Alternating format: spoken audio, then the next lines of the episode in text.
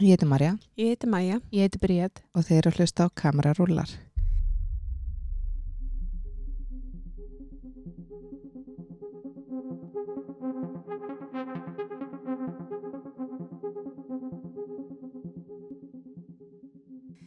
Í dag setjum við í Nova Series Studio podcastöðuvernar.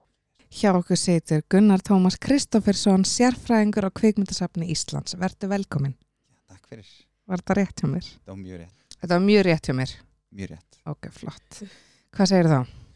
Ég segi bara fín, Já, mjög áhugart og skemmtilegt að vera komin hérna. já, Nóa Sirius stúdíó já, podcastöðarinnar. já. Mm. Þú segir þetta eins og við, no is serious. Já, Sirius, Nóa Sirius. serious. Um, í dag ætlum við að ræða, við ætlum bara að fara svona um við um völl, um kvikmyndasögu, kvikmyndasafn Íslands og þig og, og bransan og svona. Þannig að Bríð kannski bara startar þessu. Við ætlum að fara í eina svona löflétta í byrjun. Hver er uppáhalds bíómyndiðin og af hverju? Ú, góð spurning. Ég er með svona Ú, standart svar. Ég er svona, ég er svona, ú, en gaman, komin í Ég nammipokan. er bara svo glöð þegar ég sé að fólk er með svar. Já, ég er sagt að ákvað það að svarið mitt yrði bara alltaf Casablanca. Ok. Uh, það er bara stórkostlega mynd. Mm Ég, hérna, ég hort á hana ofbáslega oft. Ég horfði á hana síðast bara í flugvél í sumar og það var æðislegt. -hmm. og ég kifti, kifti 4K útgáfuna af henni núna í haust og bara býð eftir ég að horfa á hana Já. og ég svona elska þessa mynd hún er einhver minn tekur á nostalgíu eins Mhm. og maður upplifur hana bara Einmitt. reglulega. Uh, eitthvað svona þrá eftir hortnum heimi hún ætla er gerð 1942 Mm uh, gerist í, í síðari heimstyrjöldinni og, og tekur á þessu bara hvernig heimurinn var áður en þetta byrjaði allt saman. Já, fólk finnst það vera svo tínt einmitt. og það sapnast þarna saman í Casablanca og, og reynir að finna sér eitthvað leið í gegnum þetta. Og, og mér finnst líka sagt, myndin vera svo æðisleg að því að það er til sagt, um, svona grein eða pæ, pæling um hana Mm. uh, hérna eftir mann sem heitir Umberto Eco sem er rítumundur og hann sérst svona greina pælingu um, um Casablanca um það sérst að að í henni eh, sapnast saman svo margar klísjur það er svo yfirstyrmandi magn af klísjum Mm. sérst að hefur ert með fólk frá bara alls konar löndum með alls konar karakterenginni sem eru svona stereotypísk sem eru klísjukend Uh, og þú ert með uppbygging á myndinni sem er líka algjör klísja uh, það er sagt, verið að vinna með þessar klísjur en, en hann segir, og ég er alveg sammála því að, að uh, myndin virkar, er svona töfrandi verður að einhverju sem, við- sem við kallum bíó Mm. innan uh, af því að það er svo mikið magn af þeim, að er breytast í eitthvað töfrandi. Og í greinir segir hann sem sagt, talar hann svona almennt um klísjur og mér finnst þetta virka á mjög margar myndir sagt, Mhm. að, að við upplifum bíó þegar við sjáum tengingarnar við aðrar myndir sem við höfum séð. Við fáum eitthvað svona upplifun um, um það að við séum að upplifa bíó eins og við þekkjum það. Mhm. eh, ekki eitthvað svona framandlegt og óþægilegt sem við hérna, getum ekki alveg. eh, hann segir sagt í greini svo ég kom aftur því eh, að, að ein klísja að hún er hlægileg sagt, að, þegar við förum að spotta klísjuna þegar við sjáum þær, getum pikkað þær út og sagt oh, hann er svona, hann er nú alveg típiskur eitthvað. Að þá hlæfa því að að við skiljum það og við sjáum í gegnum það og getum svona daldið hérna tekið hýðið utan að því. En, en þegar klísjunar eru orðna svo ofbúslega margar að er þetta bara svo orðin eins og okkur lúka á rammipókanum og við skiljum, getum ekki aðgreint mólana, Já. getum ekki mm. skilið þá frá hverjum öðrum, heldur upplifum það bara sem einhverja eina held sem er bara svona yfir þyrmandi bíó og mér finnst þetta æðislega tólkuna þegar fólk talar klírsjur rosa mikið niður Mhm. ég held að e, það er bara þegar það sér klísjurnar sem Já. það fattar að það eru, að það eru alltaf til staðar það eru alltaf til staðar, að því annars myndum við ekki skilja það sem er í bíó Mhm. annars væri það bara of flókið þetta er bara eitthvað svona framandlegt eitthvað, já býttu, ha er þetta sagt, þetta sem á, við þekkjum sem aðalpersona er samt ekki það því að það er engin aðalpersona því að myndin byggir ykkur neinum klísjum og það bara Mm. gengur ekki upp. Við þurfum á þeim að halda. Við verðum að fara, um þetta, fara yfir þetta í mitt tímum. Já, uh, að, að sem sagt, kvikmyndagreinar byggja á nákvæmlega þessu. Sem sagt, Mhm. að það þarf að vinna með það sem er búið að gera til þess að geta kannski tekið skref inn í eitthvað nýtt en þú þarft í raun að skilja það sem er búið að gera til þess að Áhugaverð. geta unnum með þetta En- meikar svo mikið sérst þegar þú segir þetta. mér finnst þetta skemmtileg pæling allavega Já. Mhm. og mér finnst þetta svona eitthvað romantísk sín á kvikmyndir Já. Mhm. um það að það séu kannski bara skárri en, en við hérna viljum halda Já, já, já. En þú segir að þú farir yfir þetta í tíma, það sem við vitum en hlustandu kannski veit ekki er að þú ert kennari líka í háskólanum. Já, nákvæmlega, ég er sem sagt í doktorstofum í háskólanum er að rannsaka uh, kvimd, íslenska kvimdasögu þar og uh, tek að mér að kenna svona námskið um íslenska kvimdasögu og kvikmyndir og kvimdamenningu alls konar og hérna uh, og er núna sem sagt að kenna námskið um íslenska kvimdagreinar og kvimdahöfunda og við erum svona, erum að fara þess yfir þetta þar og einu ykkar hefur setið þessa tíma Já, Mhm. mér finnst það mjög skemmtilegt og áhugavert. Er gott Hún er alltaf að Takk. segja okkur sko frá þessum tímum. Já, ok Já. Hvernig ákvæmst að fara, uh, þú veist, hvernig byrjar þetta hjá þér þessi áhuga á kvikmyndum? Uh, ég hef bara alltaf verið að glápa. Það var það sem ég gerði. Ég var svona gaurinn sem þú veist svo sem í íþróttum en var líka bara í þessu að fara út á vídeolegu og vera þar í einn og halvan tíma að velja einhverja mynd. Og, E- Eina nýja og eina gamla. uh, og mjög oft algjörlega, þá byrjaði maður sko náttúrulega í hverfislegunni uh, svo fekk maður bílpróf og þá fór maður nýra á vídeo heima, ég er sérst úr árbænum.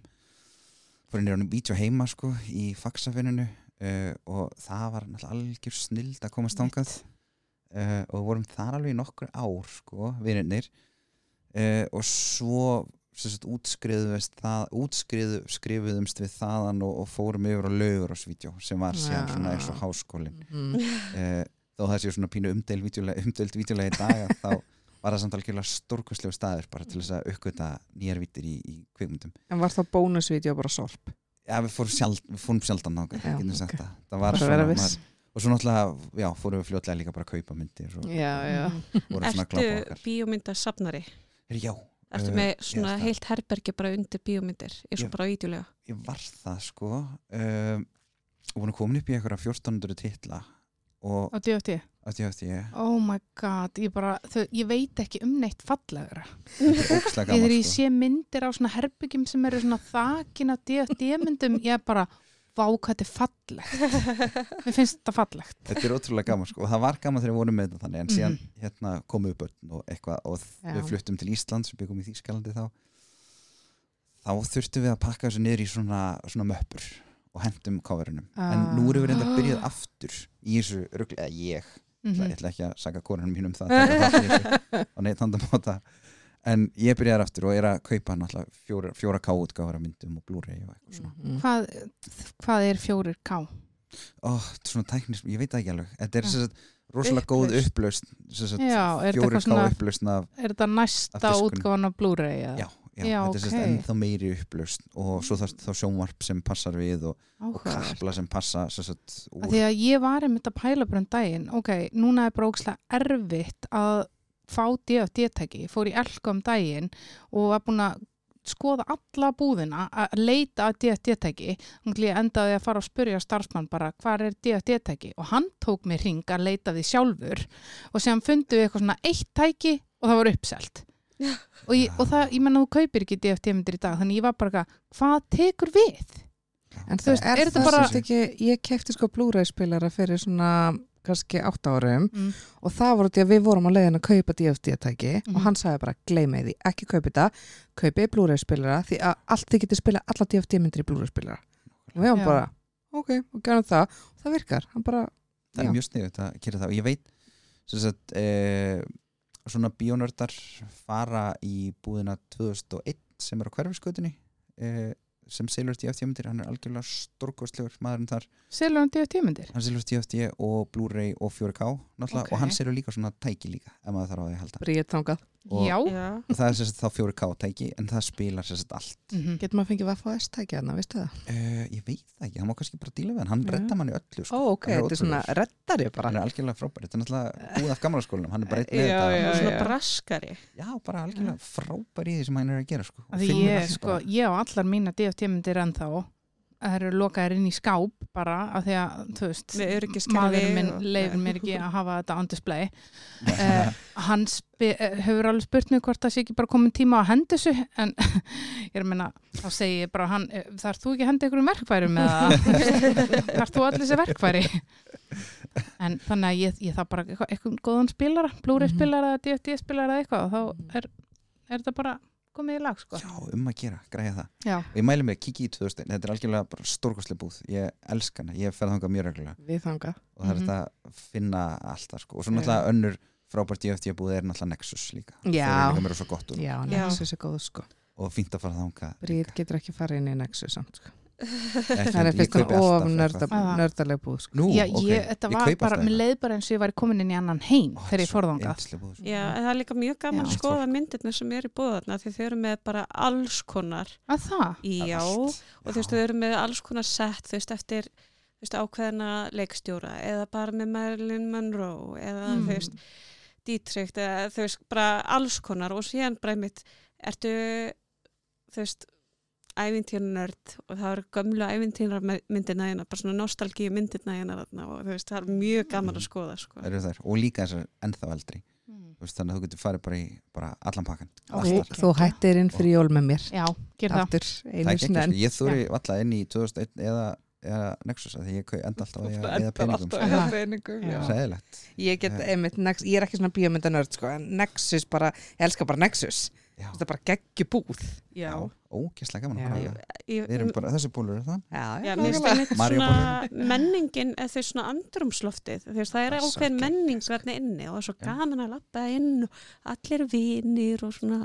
Já, deila þessu áhuga sem var jaðarsport en er eiginlega ekkert lengur Nei. Þetta er rosa eitthvað nördarnir rifið þetta allt upp eitthvað, með hérna Marvel myndunum og þessu Mm. dóti. Komist þér inn í mainstreamin elska, tóku yfir. Elska. en það er, það er að hverfa. Eins og við vitum í kvimdagreinum það kom og fara. Talandi samt um Marvel að því við erum aðeins á því topiki. Ég var að skoða að var að koma, er að koma ný Marvel mynd sem heitir The Marvels. Og er í bíó og núna er í bíó. Og ég var að skoða að kom svona myndir af þessu leikurinn og það kemur fyrsta gelan sem er Marvel gelan og ég kannan að hún næsta, einhver ungstelpa, ég hvað þetta er. Ungstelpa, veit ekki hvað þetta er, ungstelpa ungu strákur. Síðasta myndir. Fimm kettir þá var ég bara ég er hægt að horfa á Marvel núna ég, þetta er númer allri lokið sko. ég skal sína ykkur þetta eftir, þetta er ræðilegt þannig að já en það er það sem, já, gerist náttúrulega kvimdagreinar, það er koma eiga við í eitthvað tíma og svo kannski bara klárast þar og svo koma það eftir og, og breytast og þróast og eitthvað. Já. við erum bara ánað að hafa fengið upplifað þetta þetta var stórkostlegt algjörlega, algjörlega. bara, var bara kvimdal upplifun og ótrúlega gaman nákvæmlega að upplifa það svo bara klárast það, ég hef ekki hort á svona Marvel myndi nokkur ár já þá ertu nú samt að missa já, já, já, ég skal fara í það eftir sko. Frábært, En ég er bara hérna- gaman að heyra það já, en hérna við vorum komin á úlingsárinu þín. Þá varstu komin í lögararsbíó nei, Í lögararsvídeó um mitt, ég var þar að ganga um ganguna, það náttúrulega svo lengdust ferðirnar alltaf, sem sagt, og við vorum bara hana, bæði vinar hópur úr, úr mennskóla og svo líka bara svona æsku vinir sem við hittumst bara og gloftum á vídeo, þetta var bara það sem við gerum, tókum tvær myndir og hérna við vorum þrjú sagt í götinu við búum sagt byggum í húsum uh, 10, 11 og 12 í, í Mýrarás og hérna og við tókum sagt, myndir á kvöldin alltaf yfirleitt þegar klukkan var svona 11-12 kannski eitthvað þannig e, fórum við kom heim svona hálf eitt eitthvað þannig og svo horfðum við á eina mynd og, og svo var ég og, og vinkora mín sem heitir Birgitta e, hún, við sopnuðum alltaf en vinur okkar sagt, Birgir að hann, hann vakti og horfði á hann, hann er búin að sjá alveg örgulega tölvert meir en við þegar við sáum bara að það var komið fram á nótt. En akkur voru það að byrja svona seint? Ég, Ég veit það ekki alveg, þetta var bara eitthvað sem gerist Við, Já. við mættum kannski út á vídeolögu þú veist, kannski tíu já, en svo náttúrulega vorum við ekki komin heim fyrir að því að við vorum svo ofbúslega lengi að velja sko. voru deilur um það hvað Já, átt að leiða. og svo bara svona, það var ekki alveg alltaf rétt sko. Já. Þú maður að svona velta þessu fyrir okkur finna Mhm. Rétta kombo, svo náttúrulega maður búin að finna eina þá þarf maður að finna hina líka og Mhm. það flækir þetta ennþá meira og svona, þetta var mjög skemmtlegt sko. Já. og öll enduðum við á því að fara sagt, e, Birgir, hann fór í Guðmundafræði líka Mhm. var mér svo undan mér í Guðmundafræði í háskólanum Já. og Birgitta, hún lærði klippingar og Já, hérna, ókei. er núna bara að vinna hjá RFK Studios Ó, skemmtilegt. En það er óslega sorglegt að þetta verður aldrei aftur. Þú veist, að fara út á leigu Nei. og velja sér bíómynd fyrir kvöldi. algjörlega Núna verður maður bara pyrraður og flakka í, sjónvarpinu að leita af einhverju og þú veist, það fyrir hálftími í að maður bara, kvöldið er búið. Þetta er leiðilegt. En það er ógæslega gaman þegar maður var mitt úrlingur að fara með vinunum og, Mm -hmm. Gekki stemning. og bara, já, horfum á þessa og síðan þessa eða, þú veist, síðan er mitt daginn eftir þegar maður vaknar, þá horfum maður aftur á myndirnar, nýta tímanum meðan maður með þetta á leigu. það var náttúrulega best sko Já. ég var svo eftirminnilegt hérna einmitt ég og- og Biggi við horfðum eitthvað tíman sérst, fórum og tókum mynd sem við vissum í raun ekkit um uh, en við vissum sérst, að Studio Ghibli var í frábært og vorum búin að horfa á veist, My Neighbor Totoro og eitthvað, eitthvað þannig sérst, Mhm. Spirited Away og svona en við tókum þessa mynd á þess að vita neitt um hana hún heitir Grave of the Fireflies uh, þið séð hana, hún er sérst, líka Studio Ghibli var einmitt svona double feature þegar þær komu út. Mm. My Neighbor Totoro og Grave of the Fireflies voru síndar saman sem, Mm sem er mjög skrítið af því að My Neighbor Totoro er mögulega krútlegasta mynd sem þið munum nokt tíma að sjá af því að hún er bara æðisleg. -hmm. bönni mín er mitt elskana í dag. En Grave of the Fireflies er mynd sem ég bara ætla ekki að sína þeim fyrir eftir nokkur ár. En þetta er bara stríðsmynd um uh, börn sem, sem sagt, lenda í eldsprengju árásum bandaríkjana á Japan. Og alltaf húsin eru úr tréð þau verða munaðlaus og eru bara sagt, ein. Og, og þetta er svona átakanlega sorglega mynd uh, og við horfum á hana og einmitt, við þurftum síðan sagt, bara, kom, sagt, við horfum á hana ég, við kvöttumst einhvern veginn bara hann um nóttina.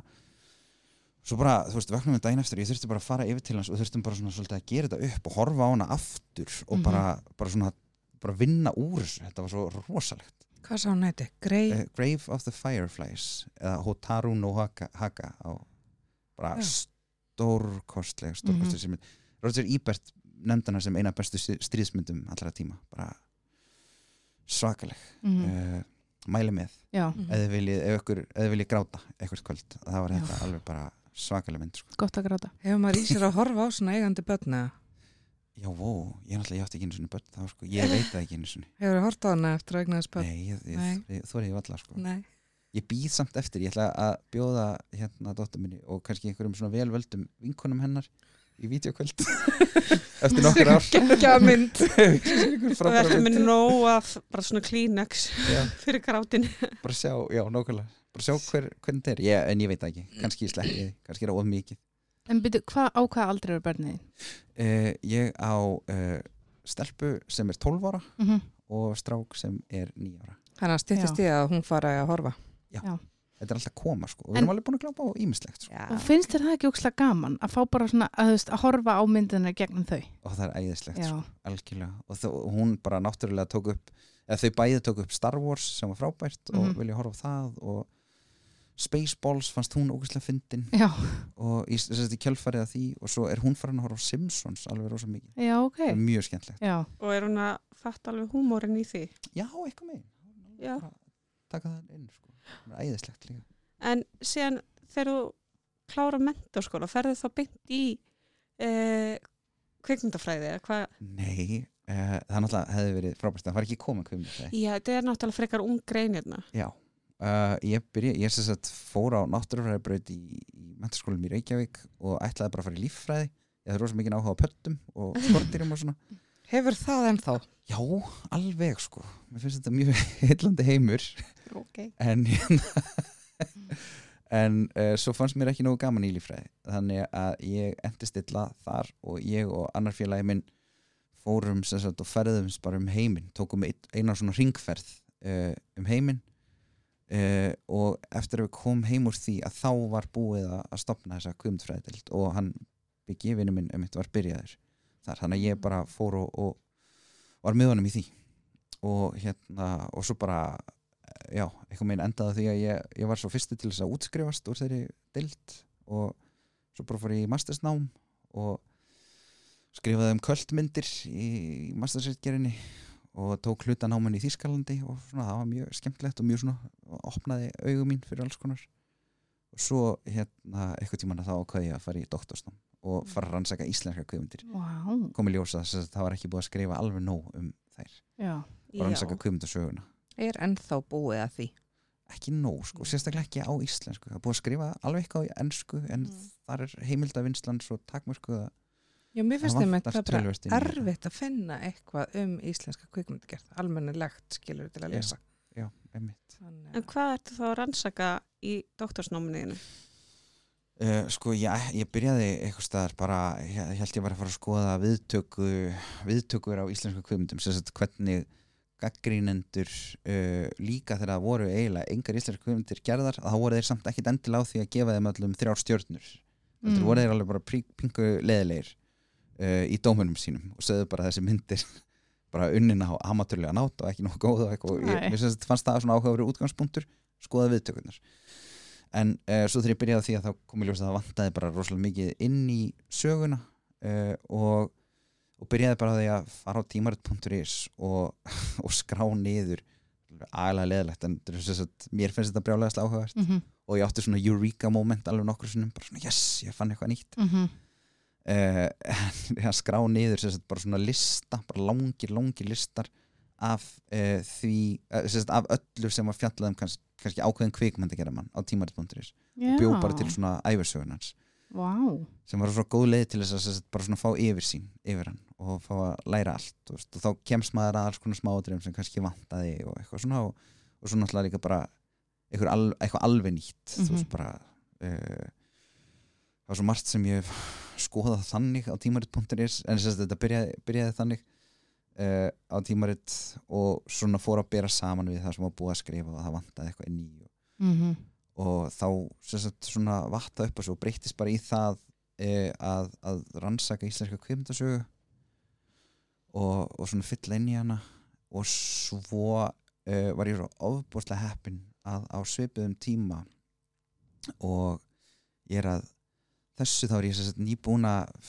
finna e, fyrstu kvikmyndina sem kona gerir sagt, með hjálp kvikmyndasafnsins að svona ég hafði sem sagt, ég fann eitthvað svona vísbendingu mhm. uh, á tímarit.is um það að mögulega hefði kona gert kvikmynd uh, 1927 og hérna uh, og sendi fyrirspurn á safnið og Gunnþóra Haldarsdóttir sem er þar alveg bara hérna, algjörlega, já, veit allt uh, að hún hérna hjálpaði mér að finna sem sagt, þessa mynd og svo fann ég sem sagt, gögn um hana og það bara kemur í ljósa sem sagt, að það var uh, fimmleika kona og dansari uh, sem gerði mynd ára 1927 sem Já. heitir, var bara dansmynd en ég var sérst nýbúin að því uh, að þá hérna sækir kveikmyndasafnið um, um styrk öndveistyrk í safnasjóð og, og hérna og vantar rannsakanda og eitthvað minn, það verður svona ég fæ að Já, um ok. og fæ það, rosa heppin.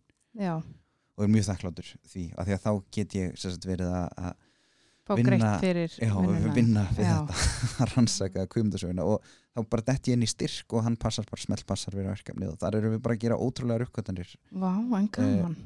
bara, já, mjög reglulega. Við erum búin að skrifa þetta er þess að þriðja greinin, ég var einmitt að senda hana á hérna, á reitstjóra í dag Já, Mm. uh, sem sagt um Vigfús Sigurgesson en ég er búin að skrifa tvær um, um mann sem heitir Kjartan Ó Bjarnarsson sem, sem sagt, segir ykkur örgulega mjög lítið að því að ég þekkt hann ekki áður en ég byrjaði á því að nei. uh, og hann var svo fyrsti til þess að gera til dæmis kvikmyndagerð að sínu aðalstarfi Mm. hann hætti að vinna við eitthvað annað og gerði sagt, að sínu starfi Fyrsti Íslendingur. Já. Já, já, já. og þetta var 1945 þannig að svona freka seint Vá. mhm. en það sem Seint? Sagt, freka seint Já, ok. svona með við önnur lönd Já, já, já, ég skil, já. Og hvað var hann að gera? uh, hann gerði rosalega mikið bara svona uh, myndir um um landið bara, var hann bara leikstjóri? já, fyrir ekki þannig Já, þessir, hérna, kvikmyndagerða menn á þessum tíma þeir voru bara í öllu Ég voru bara, í öllu, já, bara kvikmyndi gera menn. Já, var bara, það var bara kvikmyndagerðin var þeirra Mhm. Mhm. Ok, já. uh, já, en við kannski förum betur í söguna rétt á eftir Já, en, algjörlega, uh, en þetta er bara, Mhm. sem sagt, já byrja á þessum verkefnum og, og skrifa þau og nú er ég bara í því ennþá, ég er bara Mhm. bóstalagi mitt í dag var ég að senda á rittstjóra þannig að Og það er bara doktorsnámið þetta er þessi doktorsnámið og vinnan á samlinu sem er algjörlega frábært að geta Já. Að Samnýta. sem sérfræðingur á kvikmyndasafni Íslands ertu að rannsaka íslenska kvikmyndagerð. Já. Einmitt. Og er, þú ert að skrá eitthvað gögn niður þar og, Já, veist, en ertu eitthvað líka að færa gögn yfir á betra form sem að helst betur eða svona varðveitir gögnin betur? Það er náttúrulega eh, margir sem vinna þarna og já, ótrúlega já, gott fólk eh, og já, við erum sagt, hluti af þessum styrkjum sem við, fengum voru sagt, að, að færa eh, allar filmur ákveðina kvimdagerðamanna yfir á stafrænt form, stafvæða þær. Og, uh, og þetta hefur bara skipt sköpum í allri Já. vinnu í kringum þá. Þannig að við höfum sagt, fengið að sjá uh, ekki bara þess að hjá okkur þá fáum við rosalega mikið af filmum inn uh, og þær eru mertar þegar þær koma inn af titlum eða hvort þessu afgangar eða bara eitthvað svona sapspóla af alls konar brotum og eitthvað og inn á þeim spólum eru oft ótrúlega áhugaverð og merkilega brot sem fara samt oft uh, svona fyrir ofangarð og neðan að þeir eru ekki mertar innu sérstöku mm. og þá, sagt, og við viljum ekki vera að setja þær of mikið í svona skoðunarborð bara einhverjar, film, einhverjar random filmur þannig að þegar það er búið að skanna þér þá þegar við skönnum allt eftir einhvern að þá finnum við ótrúlega fjórsjöði sem sagt, Mhm. þar inn á milli og e, til dæmis sagt, já og þá þurfum við að geima það, alltaf mörg að taka ég fyrir úr eini annað. Mhm. hérna þegar við erum sagt, að, að vinna það þá skönnum við þær inn, myndir inn og safnið er samt sagt, við fáum bara peninga eins og við séum bara að geima filmur í einhverjum kæli. Uh, en sagt, það að geima stafrænt er ofbúrslega mikið meira mál og mikið dýrara og það er svo mikil tækni á bakviða uh, og við erum bara það er bara eiginlega ótrúlegt að það hafist sko og náttúrulega Já. allir sem skila inn kvikmyndum inn á kvikmyndasamni skila þeim líka stafræntin og það er ekki endilega gert ráð fyrir því heldur í þeim peningum sem við fáum þannig að við erum svona í skemmtilegu einhverjum svona Mhm. línudansleik hana við, við budgetið Já, er erfitt er að, að fá budget eða, Já, veist, þetta er náttúrulega bara ríkið sko og það er bara Já, að og skera er niður bara- og eitthvað já. svona og, og þannig má ekki sem sagt, allt sem við fáum dugar fyrir leigu á húsnæði og starfsfólki og eiginlega ekkert, ekkert annað. Nei, það er ekkert Já, gert ráð fyrir þessu um að kaupa eitthvað dýra harðadiska eða eitthvað. Þannig að þetta er svona skemmtilega flókið. Þannig að það þarf að sanna uh, mjög vel hvað þið eruð að gera þegar að, þegar að sækjum styrki fyrir Já, og Já. það eru náttúrulega styrkir eru síðan eitthvað annað sko. en náttúrulega við erum bara á Já. ríkinu bara fáum bara útlitað peningum Já, en þá styrkirnir eins og fyrir svona Já, verkefni það, það er bara, þá sækjum við um mitt og, hérna, Já. og erum bara rosalega heppin að fá var í safnasjóð þessi Mhm. styrkur uh, og svo erum við bara sækjum fleiri það er bara verið að halda áfram með það sem er náttúrulega bara stórkostlegt En er Það það langt og erfitt eða? Já, það er Já. alltaf Já. að hugsa upp einhver verkefni og finna Já, hvað vantar að rannsaka og, Mhm. og búa til verklýsingu og alls konar það er og hún Gunnþóra sem, ég talaði um áðan, hún er að því er ótrúlega dugleg í því að, gera það. Mm og Hvað- við svona finnum upp einhver verkefni og, og hún, Hvað fannst þið skemmtilegast við vinnuna hérna? takk það er úr fjármálunum. Takk, er mjög gott. Uh, það er sagt, þetta uppgönd eitthvað nýtt finnst mér, mér finnst það ótrúlega gaman og spennandi uh, Heldur og ég er alltaf eftir að vera uppgöt eitthvað nýtt. ég veit það ekki, ég held það það er svo margt Já. sem á eftir að finna þannig að Mhm. já, guð, ég get alveg vona mér það. Mhm. og það er óbærslega, er mikið sem við erum búin að rekast á sem er bara ótrúlega gaman Mhm. þú veist, og gefur okkur, já, mikið og hérna e, þannig að, já, ég held að þú veist, það náttúrulega, og vera að gera eitthvað sem engin annar er að gera það er líka ótrúlega Já, magnað, sko Já. Og fá að sjá hluti sem er ekki búið að ja, hafa ekki sést kannski bara í 80 ár eða eitthvað, mm Einmitt. sem er ótrúlega spennandi, sko Það er ógæslega magna. -hmm. svona mikið af efni sem bara, já, allt sem er skannað sérstaklega eftir þess að þess að þetta var þryggjára styrkur, þrýr kvömmundagjara menn sem voru teknir fyrir, Mm. eftir þá þrjá erum við bara, við erum, já, alltaf að finna eitthvað spennandi, alltaf eitthvað nýtt alltaf að uppgöta eitthvað, tengja eitthvað saman og, og, og svona þannig, og það er það sem gerir þetta ofbærslega skemmtlegt Mhm. og svo sagt, stór hluti af því sagt, við stafvæðum myndirnar þá getum við sagt, hort á þær og getum hort á þær svolítið fram og tilbaka. Og hérna og þar í, í þeirri vinnu að þá skrifum við niður hvað er á filmunum. Þá þurfum við svolítið mikið að vera í því að að sko að rýna í umhverfið hvað er í gangi, er, veist, ef það er lauruglumæður þá er svona alltaf að skrifa maður það niður. En maður það líka að vita hvort þetta sé á einhverjum ákveðnum bóndabæ eða ákveðnum tíma eða sagt, hann að skrá niður þetta allt sagt, Mhm. upplýsningur um staðsendingu og hvað er í gangi og Mhm. Vá. bara Og svona nýri í annað. flóarreppi á þessum sveitabæ uh, eitthvað Já, einmitt. Og við erum rosa mikið að vinna þetta og þá getur fólk komið til okkar og sagt að, herru, ég er að leita hérna efni um bóndabæi á Íslandi og þá getum við sem sagt flettið upp Einmitt. og það gerir þetta ofbúslega mikilvægt, við erum svolítið svona að ég ætla ekki að segja að þetta er aldrei týnt en við erum svolítið svona að aftína hlutunum að. En hvernig er það eins og með svona mikið af svona gömlu efni að finna þessar upplýsingar? uh, það er rosalega miservitt stundum vitum við nákvæmlega sagt, erum við bara með titil og til dæmis hann Vigfús Sigurgjersson sem Mhm. ég er, sagt, var, sagt, er að vinna núna hann uh, var ljósmyndari fórsetæðanbættisins og þegar við förum og sjáum eitthvað svona ferð fórsetans eitthvað staðar, þá getum við yfirleitt staðsett hann og fundið hann á tímarit.is bara nákvæmlega daginn Mm og bara komist að því hvar hann var og hverjir voru þar og bara skrifa þetta allt niður. Og það er mjög þægilegt. Já. en stundum er þetta bara eitthvað staðar og eitthvað bara hestar út í móa og þá veit maður að í raun ekkert Nei. hvað það er. En það gerir það bara skemmtilega sérstaklega ef það sést kirkja eða eitthvað í bakgrunum við hefum sérst gert það mjög oft farið yfir allar kirkjur á landinu Mm til þess að finna þessa einu réttu sem passar Einmitt. við sérst. þá má farin að fatta það að það er misjant hversu margir gluggar eru á hérna kirkskipinu og hvernig turnin er í læginu þetta er verður algjör svona nördasport Já. þannig að þú ert farin að þekka allar kirkjur Íslands Mhm. uh, já og við erum sem sagt svolítið í, í þessu vesinu. þetta er mjög þetta er mjög skemmtlegt líka sagt. Mhm. þá er þetta svona pínur rannsóknar svona detektiv og það er líka bara ofbáslega, svona, við finnum til mikillar gleði þegar við finnum eitthvað en, Bingo.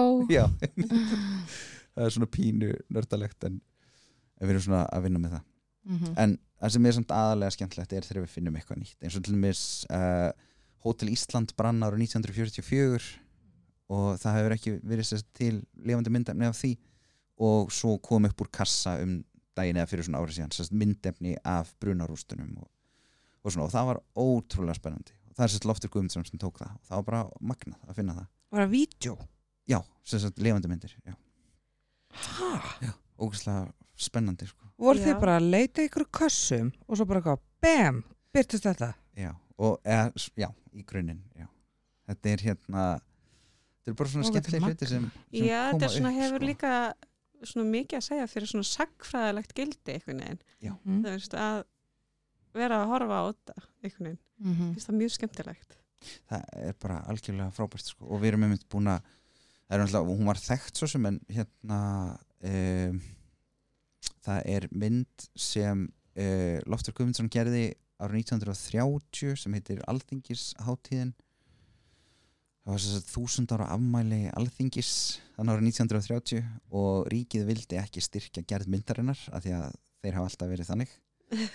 Eða voru þannig þá. Það var ekki byrjað á því sem sagt, uh, að, að svona vera með ríkistyrki til kvikmyndagerðar uh, sem var bömmur að því að þá þurfti hann að sem sagt, gera þetta einhvern veginn sjálfur. Mhm. og hann átti ekki alveg peninga fyrir því þannig að hann fór og talaði við uh, Ölgerðina Egil Skallagrimsson til þess að búa til myndina um hátíðina rosalega mikið af sagt, konungaliði og, og, og bara stór hátíð á þingvöllum og uh, þeir samþöktu að hérna, fjármagna myndina en gegn því að hann myndi vera með svona kostaða uh, umfjöllun um Mm. Ölgerðina Mm. Egil Skallagrimsson á hátíðinni hann var örugglega bara fyrsti áhrifavaldurinn á Íslandi hann má svona eiginlega segja Ok, það er og hérna, hann kostaði myndina sérst í gennum það. Og þannig að það er svona 31 mínúta og 7 sekundur uh, búnar af henni. Ég sérst sín þetta brot mjög oft það svona, Mhm. og þetta er á, já, hérna, nei til og með það er eitthvað hérna, þetta er, þetta er sem sagt uh, brot, uh, það sem er bara klift þú veist það bara, hérna, það er bara eitthvað í gangi hátíðin er í gangi, eitthvað fólk að tala og eitthvað. Uh, og þá bara allir einu klift og þá kemur milliteksti, hérna, svona, te- hún er alltaf Egil á alþingi þú veist, stendur bara. Og svo er bara fólk að fá sér Egils öl á svona mismunandi máta. Alltaf er svopin góður þetta er fyrsti segja. þetta er æðislegt sko. og svo hérna ser maður fólk að mitt svona eitthvað sitja í brekkunni og drekka og eitthvað svona gaman. Og þetta er náttúrulega pilsnir, hann er bara 2,25% en síðan er svo skemmtilegt að hann endar þessa senu á því að klippa yfir á fólk sem er sko sofandi eitthvað stöður út í, út í móa svona eins og Mm. það sé einhverju ölæði og það er Já. alveg frábært sko Það er og, og tengist þessu ekki neitt af því að hann alltaf gæti ekki orðið drukkið af Nei. þessu öli sem það verið að bjóða upp á Ég var til að sjá þessa auglýsingu. það er ekkert mál fyrir þig það er, sem e, það er vefsíða sem Já. kvimdasamnið er með sem heitir íslandafilmu.is Ok. og Íslandafilmu er bara stórkustli stórkustli síða e, þangað setjum við inn mikið af þessu gamla efni sem við skönnum. Ok, og megum setja þangað inn. Og, hérna, og þessi mynd er þar. Heitir bara Alþingisháttið 1930 og einmitt, 31 mínúta, 7 sekundur þar Hvern- byrjar þetta. Hvernig veistu hvað mátt setja inn á þessa uh, Íslandafilmi.is? það, ég endur ekki alveg inn í því en Mm. þetta er ekki alveg mitt hlutverk á samninu en þetta tengist sagt, því bara hvernig okkur eru afhendir hlutinir Já, ok. og samnið hefur sagt, má eitthvað meginn á, sagt, á sínum forsendum á, á sagt, fyrir sig uh, kynna efnið sem það er með og Mhm. stundum bara á það réttin á því alveg og stundum á það kynna það, stundum það er sem sagt misjamt og, og hérna og geta þá höfum við rétt að setja sumt alls, alls ekki allt augljóslega Mhm. uh, efni þangaðinn og hérna og við gerum það En er hægt að koma á kvikmyndasafnið og skoða efni sem þið eru með þar? já það ertu bara að hafa samband fyrirfram sem sagt að því að kvimdasamni er ekki svona opið safn Það er ekki svona eins og vídeolega. þetta er ekki svo vítilega og, og ekki eins og þjóðminnasamnið Mhm. Já, þetta er, þetta er meira svona eins og geimslur þjóðminnasamsins já, já, já. og en aftur á móti ef fólk vil koma dæmis, ef kennarar eða eitthvað vilja koma með skólahópa þá bara hafa samband og, og við Mhm. græjum það rosa mikið sko. Ok. við myndum að fara að taka á móti hóp á miðgudaginn sem verður mjög gaman frá Akranesi, mér sé Nú, bara heim bænum sko. Vá. Það verður tekið vel á móti þeim hóp. já, þið fá Coco Prince Polo. lofum engu Ég- enga pinning Ég er með eina spurningu. Segir? Um, sérðu fyrir og þú kannski veist þetta og þú ert kennari í háskólanum en þú sérðu fyrir þér fólk sem að er á þessari braut vera frá feta í þín fótspor, þú veist að halda áfram að rannsaka íslenska kveikmyndasögu, þú veist, sérðu fólki hafa áhuga á því sem er að læra þetta? Þetta er bara algjörlega frábær spurning. Uh, sagt, ég vona það náttúrulega. Og uh, við erum sagt, ástæðan fyrir því er, er að kenna í háskólanum um kvimda söguna okkar íslensku. Sagt, alls, alls konar svona námskeið er að vekja aðtegli á henni og áhuga nefnda nefndur eru mjög áhuga sem eru um leiður kynnast þessari þau, bara, þau fá að sjá bara já, ok, þetta er miklu stærra en við heldum kvimdasagan byrjar ekki bara 1980 þegar, þegar fyrstu myndirnar sem voru styrtar úr kvimdasögu komu út. Mhm. heldur er hún eldri og, og ofbáslega margir svona leikmenn í henni. Um, hann að kvimdasamni er með um, sérst, í samstarfi við Háskóla Íslands ótrúlega góð og gjöfuleg samstarfi erum við með námskeið fyrir mastersnema til þess að koma og bara sérst, vera í rannsóknum á kvimdasamninu Mm. og við erum með þrjú núna sem eru að rannsaka Mhm. og bara ótrúlega spennandi ótrúlega mikill kraftur í þeim og ótrúlega spennandi að sjá hvað þau eru að gera og við höfum verið með þetta áður og svo erum við með BA-nefnendur einmitt forsýðu uh, greinin á sögu tímariti sögufélagsins Mhm. Uh, verður upp úr verkefni sem nefandi vann hjá okkur sagt, og hann skrifaði grein upp úr því um óerðar myndirnar 1949 og sagt, teknar margar myndir því þetta er alveg, að, Mhm. ég var heill þáttur sem getur farið í það Já, sagt, já, já, uh, og hérna þannig að já, við erum sagt að reyna að hvetja krakka nefnendur til þess að, horfa í þessa átt. Mhm. og ekki að skrifa kannski þúsundustu ritgerina um Hitchcock þó hann sé geggjaður sko, Já, já, já að þá að fara bara og skoða kannski Ósvald Knudsen einu sinni. Og hérna, þannig að já, ég, við erum svona, svona vona að það verði eitthvað. Og bara erum sagt, bara í mjög góðu samstarfi kvimdasamni við Háskólan Íslands og svo erum við líka að byrja samstarf við Listaháskólan og verðum með námskeið uh, þar eftir jól. Bara Mhm. kvimd, það verður bara, sagt, bara svona stutt reyndar tvekja hana námskeið á hverjum degi vísu Mhm. uh, sem er hérna kvikmyndasagan fyrir 1980 þannig að við erum bara að fara í þetta gamla sko. og Munum- geggja fyrir þá þá sem er í kvikmynda uh, deildinni þar þetta fyrir bara eiginlega alla sko. þetta verður mjög spennandi skemmtilegt, er þú að fara að kenna það? já, ég er að fara að kenna Wow. en þannig að það er svona ímislegt í gangi og svo Mhm. náttúrulega til þess að kynna veist, bara safnið og, og, og kvimda menningu þá erum við náttúrulega líka með Mhm. þetta biotek í, í biopartís sem er algjörlega frábært hvað er það? uh, hafið mætt eitthvað? Nei, nei. Ok, þetta er algjörlega ég er skjáðs hvað er það?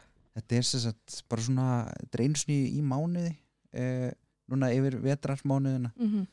uh, að þá er sett saman prógram, þetta eru þrjár myndir á dag og, og þetta eru bara svona stórkostlegar myndir með kvimundasögulegt gildi eða menningarlegt gildi, oft íslenskar myndir bara svona ýmislegt mjög skemmtlegt sko.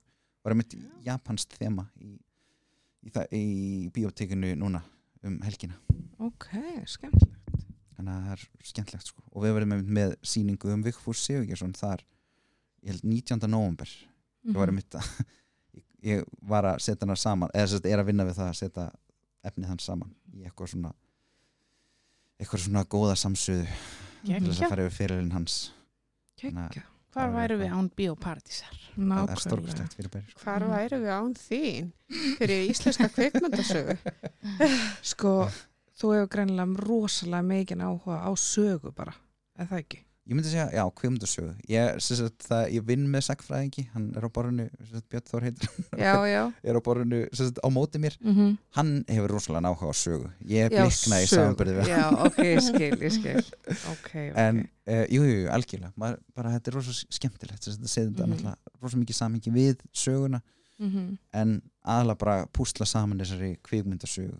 Já, hvenar já. við byrjuðum fyrst hvenar, hver horfði fyrst á mynd á Íslandi Mhm. og hverjir komið fyrst að sína og hverjir voru það og eitthvað svona Mhm. hverjir byggu fyrst til bíómynd af Íslandi Getur svarað þessum spurningum?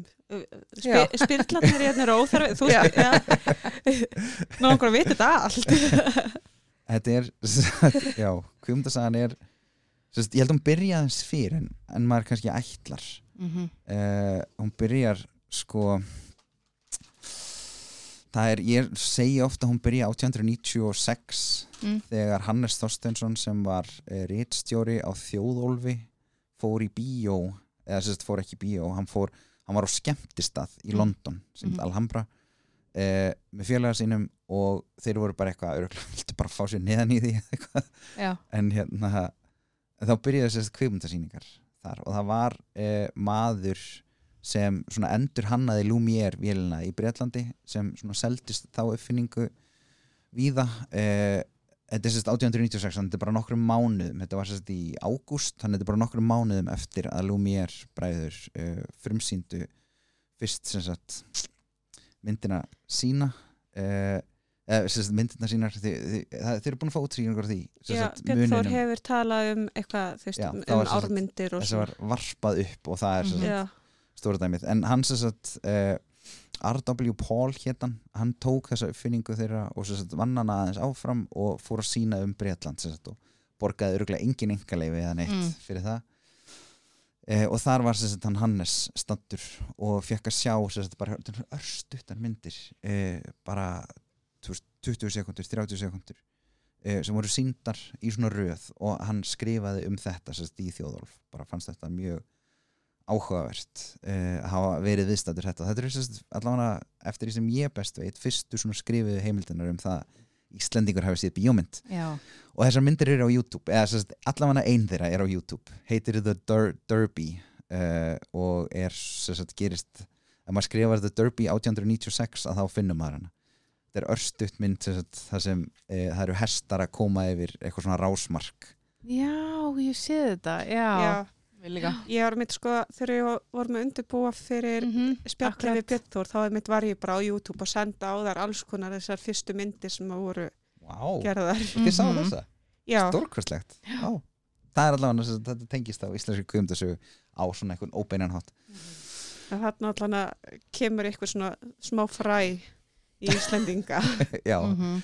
en hérna En Eh. þú veist, að því að, ég hugsa til dæmis eins og að vera svona kvikmyndanörd, það, ég skil það alveg út af því að þetta er skemmtilegt, sko. Já. En síðan eins og þetta, þetta er svo, að því að þetta er, þetta er ekki beint skemmtil eða skemmtun skilur en þetta er samt svo mikið eh, bara áhugin þinn. Og að mér finnst bara geggja að ná að leggja þetta allt á minni sko, þetta er alveg bara svona annað level á kvikmynda áhuga ég man al- yfirleitt engin nöfn eða neitt svona en Ekki? þetta er eitthvað minn, þetta festast í mér. Mér finnst þetta spennandi, mm -hmm. mjög svo algjörlega. Geggja uh, og hérna uh, þetta er svona þetta er, þetta er ykkur áhugi sem bara, ég veit ekki hvaðan kemur sko. Mhm. en bara mér leiði svo mér leiði svo að þetta væri svona, maður er að finna eitthvað nýtt og þá er það spennandi, það drífum maður áfram já, uh, Vist þú búin að segja hellinga nöfnum og ég er bara, hvernig manan? já, bara þetta sko Já, bara þetta, ok, ok, ok. Ok. um, já, þannig að en þetta er það svona fyrsta en síðan alltaf fyrsti maður sem tekur kvikmynd á Íslandi er 1901 þannig að við fáum sagt, þá fyrst svona þessu og þá byrjar þetta sem sagt, þetta er hollendingur sem heitir uh, Nöggerat Frans Anton og Annar nafn, hundrasta ártalið. hérna, hann uh, hann kemur til Íslands uh, frekar seint um haustið 1901 og það er sem sagt, fjallað um það aðeins í blöðunum. Og það er svo áhugast að það kvartaði yfir því að það verði ekki alveg nógu góð landkynning fyrir þjóðina, þú veist, þetta er ný tækni þetta er eitthvað nýtt, þetta er eitthvað bara svona ótrúlegt og samt er eitthvað eins svona, þú veist, talað um komin hann svona, já, þú veist, það frábært að hann kom, en það hefði verið Mm. betra ef hann komið aðeins fyrr Það er alltaf eitthvað. Vi, við megum Ja. ekki sína honum haustið og veturinn. Nei. já, það er ekki gott sko. þannig að hann, en hann sem sagt mætti og vissi ekki neitt og svo bara einhver kennar í bænum sem sem sagt, uh, ráðlaðanum eitthvað sem sagt, og, og fekk eitthvað til þess að loðsanum og það var bara, þetta, er, sem sagt, þetta var bara þessi klassíski ringur sem hann var fengin í, það var, hann fór á Þingvelli og hann skoðaði Gullfoss og Geysi og hann fór á Heklu og Bara svo bara. Reykjavíkur. þetta er bara, þetta er það sem við þekkjum þetta er ekki, já, þetta er ekki eitthvað svona nýr uh, ringur, þetta er ekki eitthvað svona eitthvað, eitthvað nútíma pæling að fara Mhm. mm gullna ringin, ég mitt hann hefur verið gullin mjög lengi já, Já. Mitt. Uh, hann að já, hann sem sagt tók upp þetta en þessar myndir týndust veintilega allar. Hann er vegum þar ekki. mm. Fyrstu myndinu sem voru síndar af Íslandi svo bara, þetta er svona, og einhver upptalning En, en, gæ- en gæti þær uh, leynst ofan í þessum kössum sem við erum þá Nei, ég bara spyr. Eða þá í Hollandi og- eða og eitthvað sem sagt, hann, var, hann gerði þetta fyrir brestfyrirtæki. Ah, uh, og við erum sem sagt, við vitum að það eru til uh, gögn frá þessu fyrirtæki um það sem sagt, hvaða myndir voru síndar og hann síndi sem sagt, þetta er svo fyndið, þú veist, 1901 og hann Mhm. kom til Íslands til þess að taka upp bara hvað vorum norðarlega og skrítin og, og svona þetta, þú veist, þessar svona framandi myndir af framandi þjóðum Mhm. uh, sem voru vinsanlega hana uh, og hann til mér fór að gullfossi og sagði, samt, sagt, sagði við ferðalangarna sína bara, nei ég ætla ekki að taka hér upp það búið að taka upp myndir af nýjagrafossum þannig að við þurfum ekki aðra fossamynd Mm. Ó, og þá var það sem sagt orðið svona kvimdagrein fossamyndir, Mhm. af því að þá bara þá þarf ekki meira af því, það er búið að Mhm. metta markaðin af þurfum ekki meira því. 1901 Nei, Já, mitt. einmitt. það er ótrúlega svona fyndin uh, Mhm. sín á hlutina. En hann tók upp sérst geysi en hérna talaði um það hann hefði næstu í dáið við það að taka upp geysi. Er Mhm. smá dramatíst. smá. Ég held að það hefur bara svona ringt einhverju vatni. Já, já. Hann er bara, oh no. Í dónustu og uh, hann ferðaði síðan sagt, um og, og tók upp einhverju svona kindur og kom á fjalli og, eitthvað. og það, sagt, það eru til heimildur um það að hann hafi sínt þær Myndir. Ok. og svo tók hann sagt, upp einhverja sjómenn á einhverjum tógara að sprauta hvora á annan sem einhver minna að þrýfa gallana sína og svona en það voru Mhm. vantilega breskir sjómenn en hann laug og sagði að þetta væri íslenskir sjómenn Já. ég veit það, þetta var að byrja strax þá brellunar alveg bara Mhm. já. Það er honum að kenna af hverju þorskastriði byrjaði. já, nákvæmlega, Æ, sem er kallað fake news ég veit það Já, já, já. Erum við komin í íslenska kvikmyndasöðu núna, sem sagt? Já, eða nennið sko Ég, ég, ég, sko, bara, ég, einmitt, ég ekki já. að Ég var bara að vera viss, bara þannig ég fari sjálf ekki út fyrir efni. Við erum sko mjög áhuga við viljum vera nörd og öðru level eins Já, og þú. Já, já, Algjörlega. stóðst í hópin Já. ég bara hleyft okkur inn í félagið. Algjörlega. Sko, stikla samt á stóru. ég, reyn, ég reyni það, já, nákvæmlega, það má ekki vera of nákvæmt sko, Já, svona, já, já. eh, Ég vil geta fengið líka aftur kannski við tal. ó, um, já, þetta er bara svona þessi, for, þú veist, forsaga þú veist, fyrstu Íslendingarnir til þess að, eða Íslendingurinn til þess að reyna að gera mynd var 1904 þá var það sérst ljósmyndari sem hétt Magnús Ólafsson sem var í félagi við aðra menn uh, sem höfðu væntalega mi- kvikmyndabúnað af mönnunum sem komu og síndu myndir í fyrsta skipta á Íslandi árið 1903 það var nú pínur svona öfust nú hvernig ég er að segja þetta en Mhm. mm. sett, uh, þeir kefti þessar vélar uh, tókst einhvern veginn að klúðra sýningunum gjörsamlega uh, þessum Íslandingum sett, þeir höfðu aldrei lært á þær almennilega Mhm. uh, þannig að þeir sett, auglýstu árið 1904 eitthvað svona já við erum núna með nýjar og, og betri myndir og við lofum að klúðra þeir ekki og hérna uh, og svo var þeir sett, með íslenskar myndir með þessu þannig að þeir voru með myndir af þvottalögunum sem var mjög típist að taka upp og einmitt hann hollendingurinn fljúandi hérna uh, árið 1901 sem sagt hafði tekið líka upp Mm. þær uh, Aftur bara, Já, nákvæmlega. svona lítið í bóði. og svo sem sagt, salt fiskþurkun sem þótti líka alltaf og ef þið horfið á svona Mhm. sem sagt, það er ákveðin tegund af kvikmynd sem heitir Íslands kvikmynd þá er þetta alveg svona típist í þannig Íslands kvikmynd Já. Mm. þurrka Já. saltfisk Surk, og og, og, og, þvotta- já. og, þetta er ógislega skemmtilegt efni sko, að Mhm. horfa á það er svo gaman að horfa á og það er náttúrulega það eru bara konur í þvottalaugunum Mhm. uh, eru þar að, að bara húka yfir yfir þessum ofbáslega hýta sem kemur upp úr vatninu og þetta er, sagt, það er rosalegt að sjá þetta hvernig það eru að nota svona sérstök eitthvað prík til þess að hræra í þvottunum og lyfta honum upp og lemjan og eitthvað svo bara svona einum og hálfu metr frá það sem þeir eru sem sagt, með þvottin eitthvað að hræra í þar er önnur sem sagt, að fara með kaffikönnu svona onni og hella sér upp á kaffi úr vatninu. Nammi.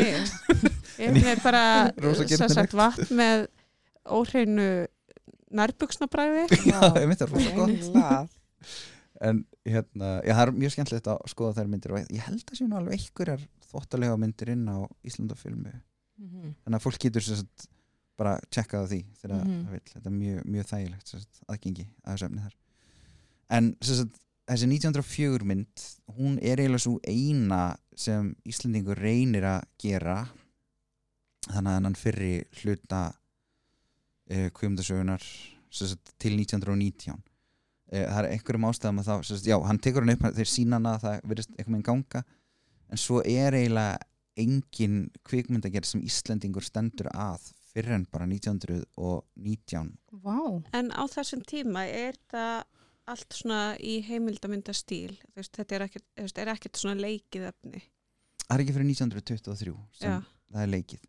Þá er sérst Loftur Guðmundsson sem gerir fyrstu leiknumyndina hún er bara stuttmynd. Já, eða 20 og eitthvað mínútur væntanlega. Mhm. uh, en, hérna, en áður en það gerðist að það var sérst frægasta myndin sem við eigum varðaveitt að hún er frá 1906 það var danskur maður sem hétt Alfred Lind sem var kvömdagjara maður og smiður sem kom og opnaði gamla bíó mm. uh, og eða sérst hann, hann var sendur af einhverjum peningamanni í Danmörku til Íslands til þess að, að opna þetta bíó, hétt Reykjavíkur bíógraf teater eh, það nefndi enginn að segja það þannig að fólk sagði bara bíó þannig að Mhm. við erum sérst orðið bíó kemur af þessu danska Mm. líf orði bíó ah. en áður en að gamla bíó er stopnað af dönum uh, var þetta þá bara bíósýningar í samkomuhúsum eða?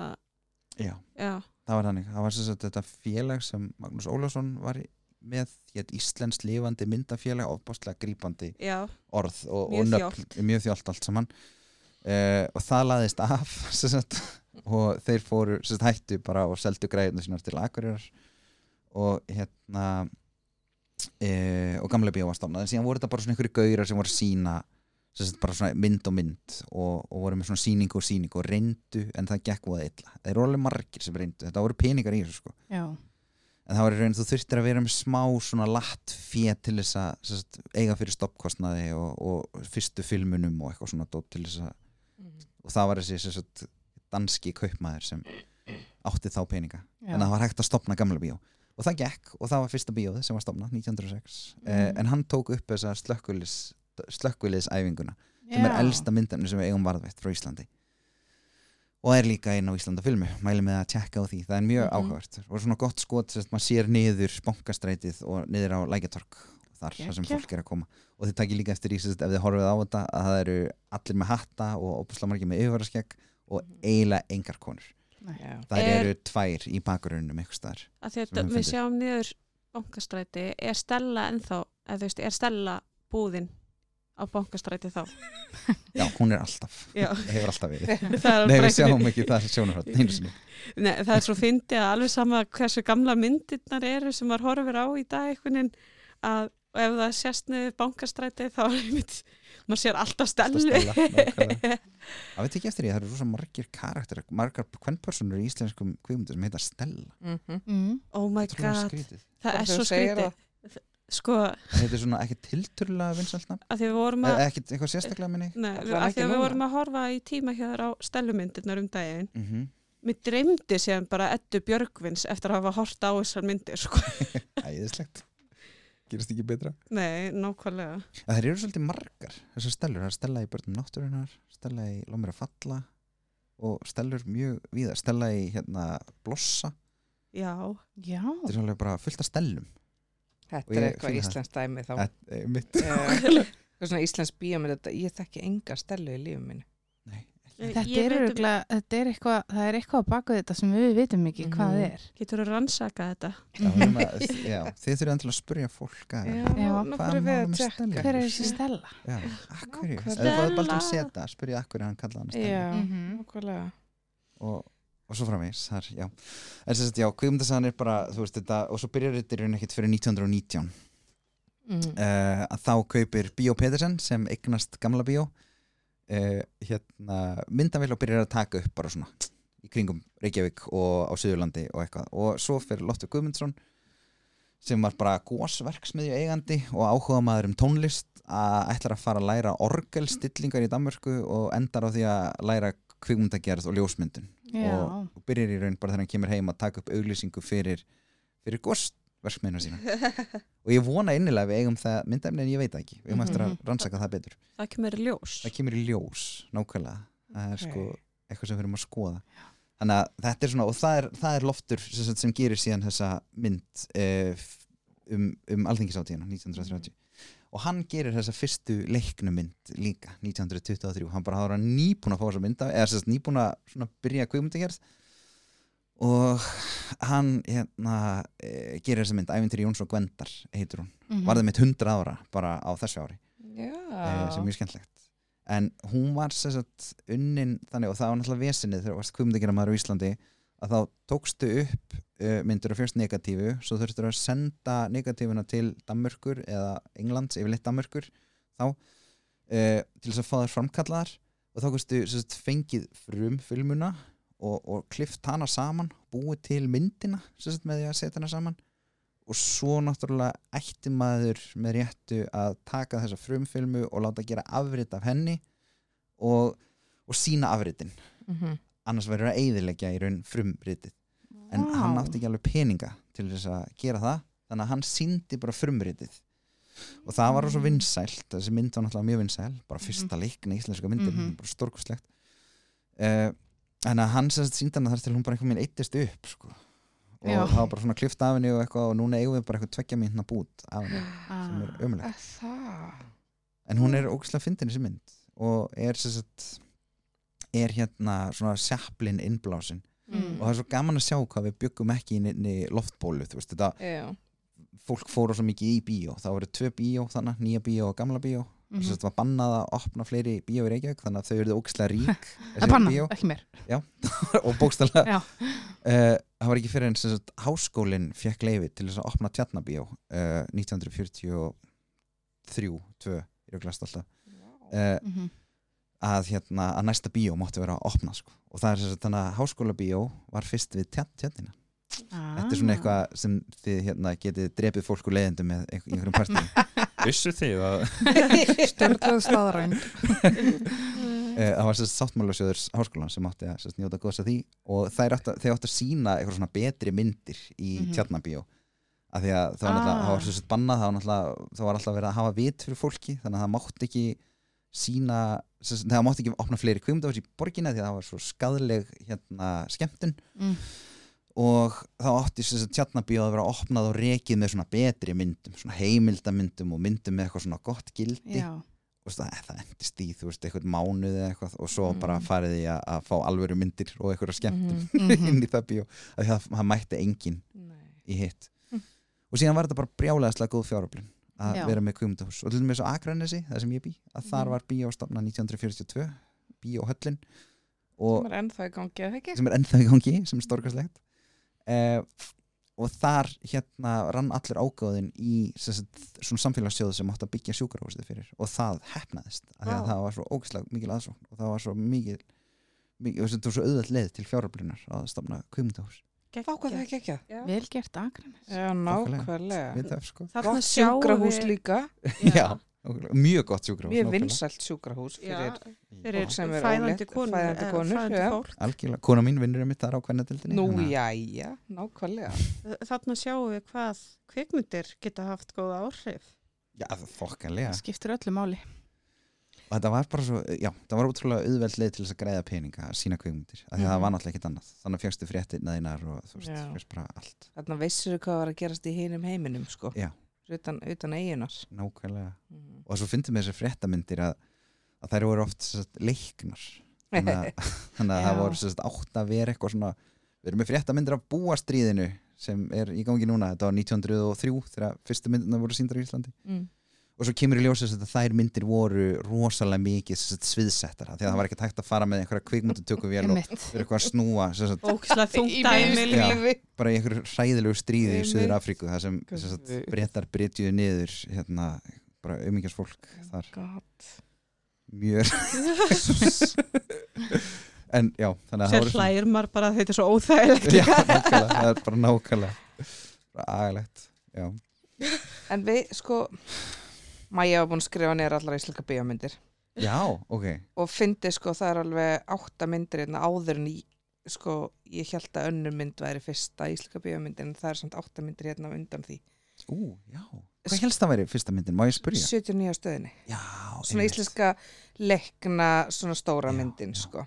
En það má alveg fara rauk fyrir því að hún sé fyrsta sagt, sumir segja það, hún sé svona fyrsta alvöru myndina Já, að, það. að því að það er sagt, svona atvinnuleikstjóri og krúið var allt sagt, Mhm. danst og svona eh, en Íslendingarnir voru, voru nei, leikararnir voru íslenskir Er og, ekki Krispur Kjaldi í þessari mynd? jú, algjörlega og hérna og, bók, sagt, og sagan byggða og bók eftir íslenskar höfund og framleiðandinn Mhm. íslenskur og svona Já, En- sagt, þetta etta film hann, Mm -hmm. apparat, þeir höfðu, framleitt fleiri myndir fyrir það þannig fengu við þess að svona alvöru í, í þess danskan leikstjóra þannig að lúkið á hann er svona Mhm. öðruvísi Já, og hljóðið ok. er betra og, og svona, þeir voru að lenda í vandarið með dæmis fyrir þetta Já.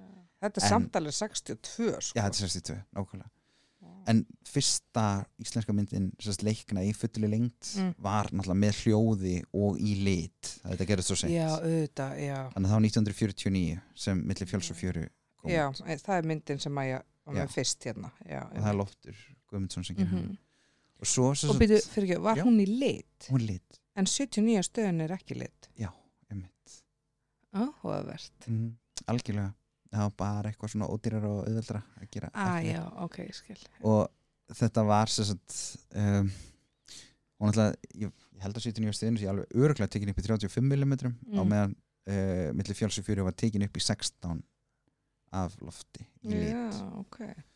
og hljóðið var náttúrulega bara eitthvað hræðilegt sonur hans Mm. mm. sem var prestur Hákon Loftsson sá um sem að sá um að taka upp hljóða hann hafði lært einhvern veginn svona eitthvað guðmundadengt í bandreikinum Mm. Og það var bara hræðilegt, það var bara rosalega erfitt. Rosalega erfitt að, heyra hvað er sagt núna og svona. Það er hérna alveg handleikur út af fyrir sig. Mhm. og svo árið eftir millifjáls og fjöru sem ég held að fáir hafa séð hana þá er mynd sem mætt alveg flokka sem svona klassísku íslensku myndina, það er Óskar Gíslason sem gerir eh, síðasta bænindalum Mhm. Ég var endar alveg heyrt um hana. Ég vissi bara ekki Já. að hún var undan 79 stöðinni, sko. já, já, já, Já. emmitt Mér er samtalið magna þegar við erum hérna með þetta skrifað niður en þú bara mannst þetta Ég ártöl og eftir hvern og bara þetta, svo fyrir þetta að skólast til þegar það eru fleiri myndir og nýrri og eitthvað það á Einmitt. ekki að vita það eru fáar og, og svona það er þetta neglaði niður þá Já, einu ári, það er mjög þægilegt. Einu ári Mhm. fínt, já, nákvæmlega. Þetta eru náttúrulega ekki margar myndir, hvað það eru átta fyrir Sko, það er hérna milli fjáls og fjöru og svo síðast í bærin í Dalnum, svo kemur ein, tvær, ok, fyrir ekki, svo koma fjórar í viðbót. já, það passar, einmitt.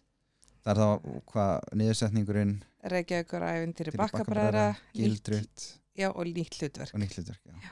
og tværatna eftir Óskar Gíslason og einn eftir Loft Guðmundsson og svo einhver Áskir Long. Einmitt. Gilitrutt og hann gerir líka fyrstu og ég held einu sci-fi mynd okkar íslendinga uh, sem heitir Tunglið, tunglið, tektu mig. Og hann gerði hana þannig á þessu sagt 56 eða eitthvað. Já. algjörlega stórkostlega mynd. Mhm. eh, og ef þið eigið möguleika að sjá hana þá mæli ég með því, hún er ógislega fyndin. Hún sem sagt fjallar um eh, nonna litla sem er á áramótinum að horfa á rakettur fara upp í loftið svo sopnar hann og sem sagt dreymir það að hann sé komin upp í gameskip og er á leiðinu til tunglsins. Og sem sagt gaurinn sem gerði myndina Áskir Long Uh, hann var svona tækni gúrú bara, þú veist, og hann, hann gætt byggt eitthvað svona geggja sett úr einhverjum svona tækni og hann var eitthvað svona vélafræðingur eða, sagt, vélstjóri á skipi. Þannig byrjaði hann, sem sagt, kvimdagerðan sína. Uh, hérna hann hafði búið til eitthvað flott svona tækni dæmi þar sem, strákurinn nánu litli situr, veist, með hjálm og er bara fyrir framann eitthvað svona sci-fi-legt Þetta Frá minni gameskip. mig smá á þarna ferðin til tunglsins þarna fyrsta sci-fi myndin sem hefur verið framlega eða eitthvað.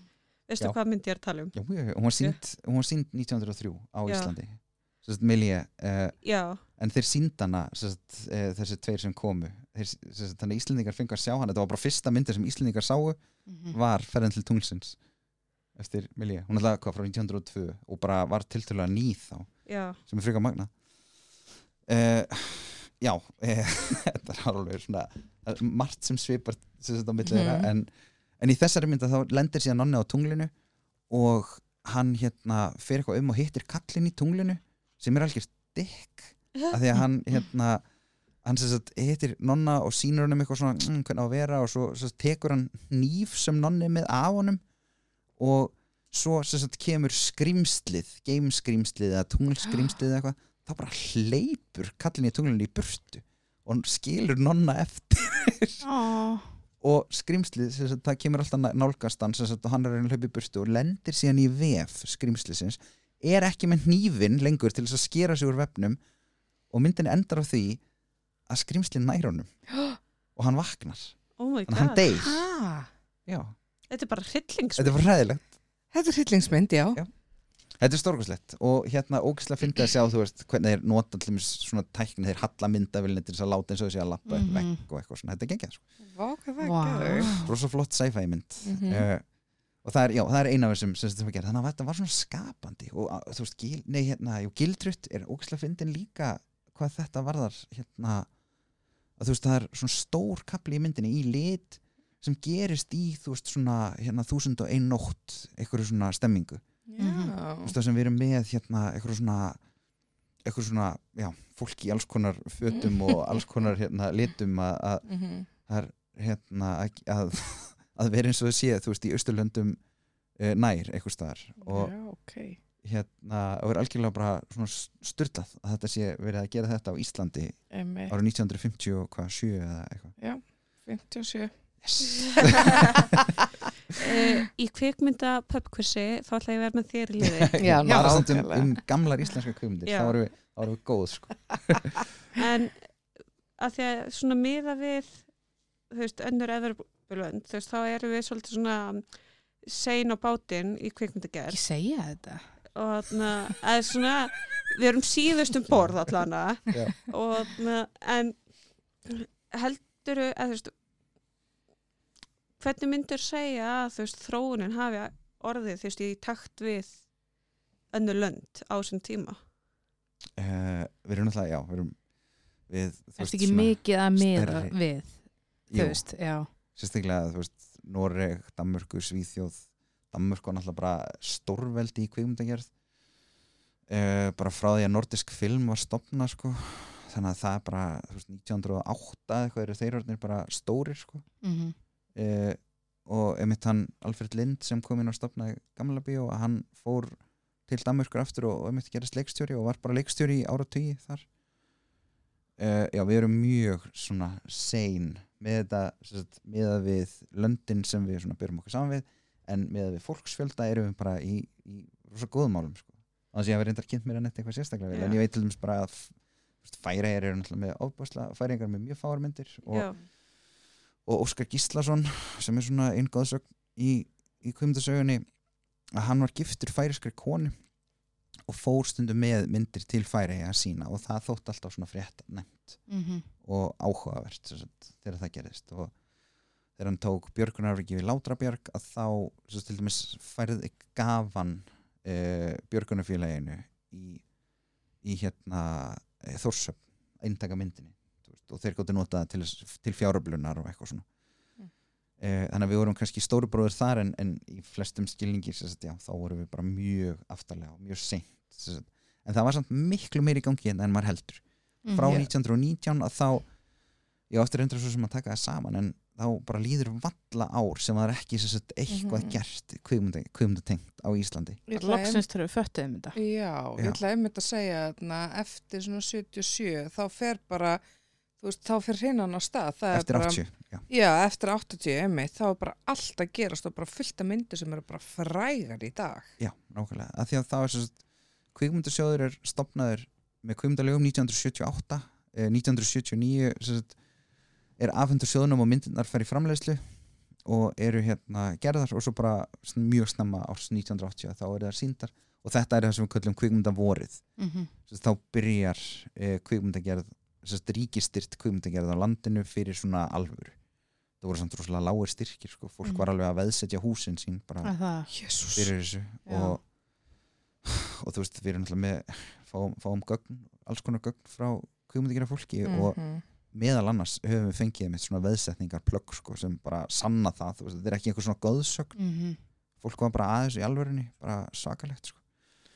uh, og það er sérst eftir 1980 1977 er svolítið svona má segja þá svona klárist ákveðu tímabil sem var á undan sem voru svona kvikmyndageramenn sem voru innblásnir af svona nýbylgjum og, og komu upp úr þeim uh, sérst þá það var náttúrulega þegar úlingurinn varð til að þá verður líka til nýjar hugmyndir og meðal annars nýjar hugmyndir um kvikmyndagerð og, og hérna og þá var til sérst, þessi hugmyndum það að kvikmyndagerðin sérst, gamla væri búin og dauð og grafin og ómerkileg eh, og nú eru nýjir tímar að koma upp. Ó, Spennandi. Eh, þetta gerðist bókstallega í Þískalandi þá bara, var yfirlýsingin var bara sérst, kvikmyndir feðrana eru dauðar pappas kínó er stótt en þú veist eins og í Fraklandi að þá gerist þetta svolítið líka. Þá var það svona ný bylgja sérst, uh, það sem rosalega margir frægir kvikmyndagerðamenn sem voru sérst, bara kvikmyndagaggrinundur á þessu fræga tímariti þannig að Kahirtu Cinema uh, sem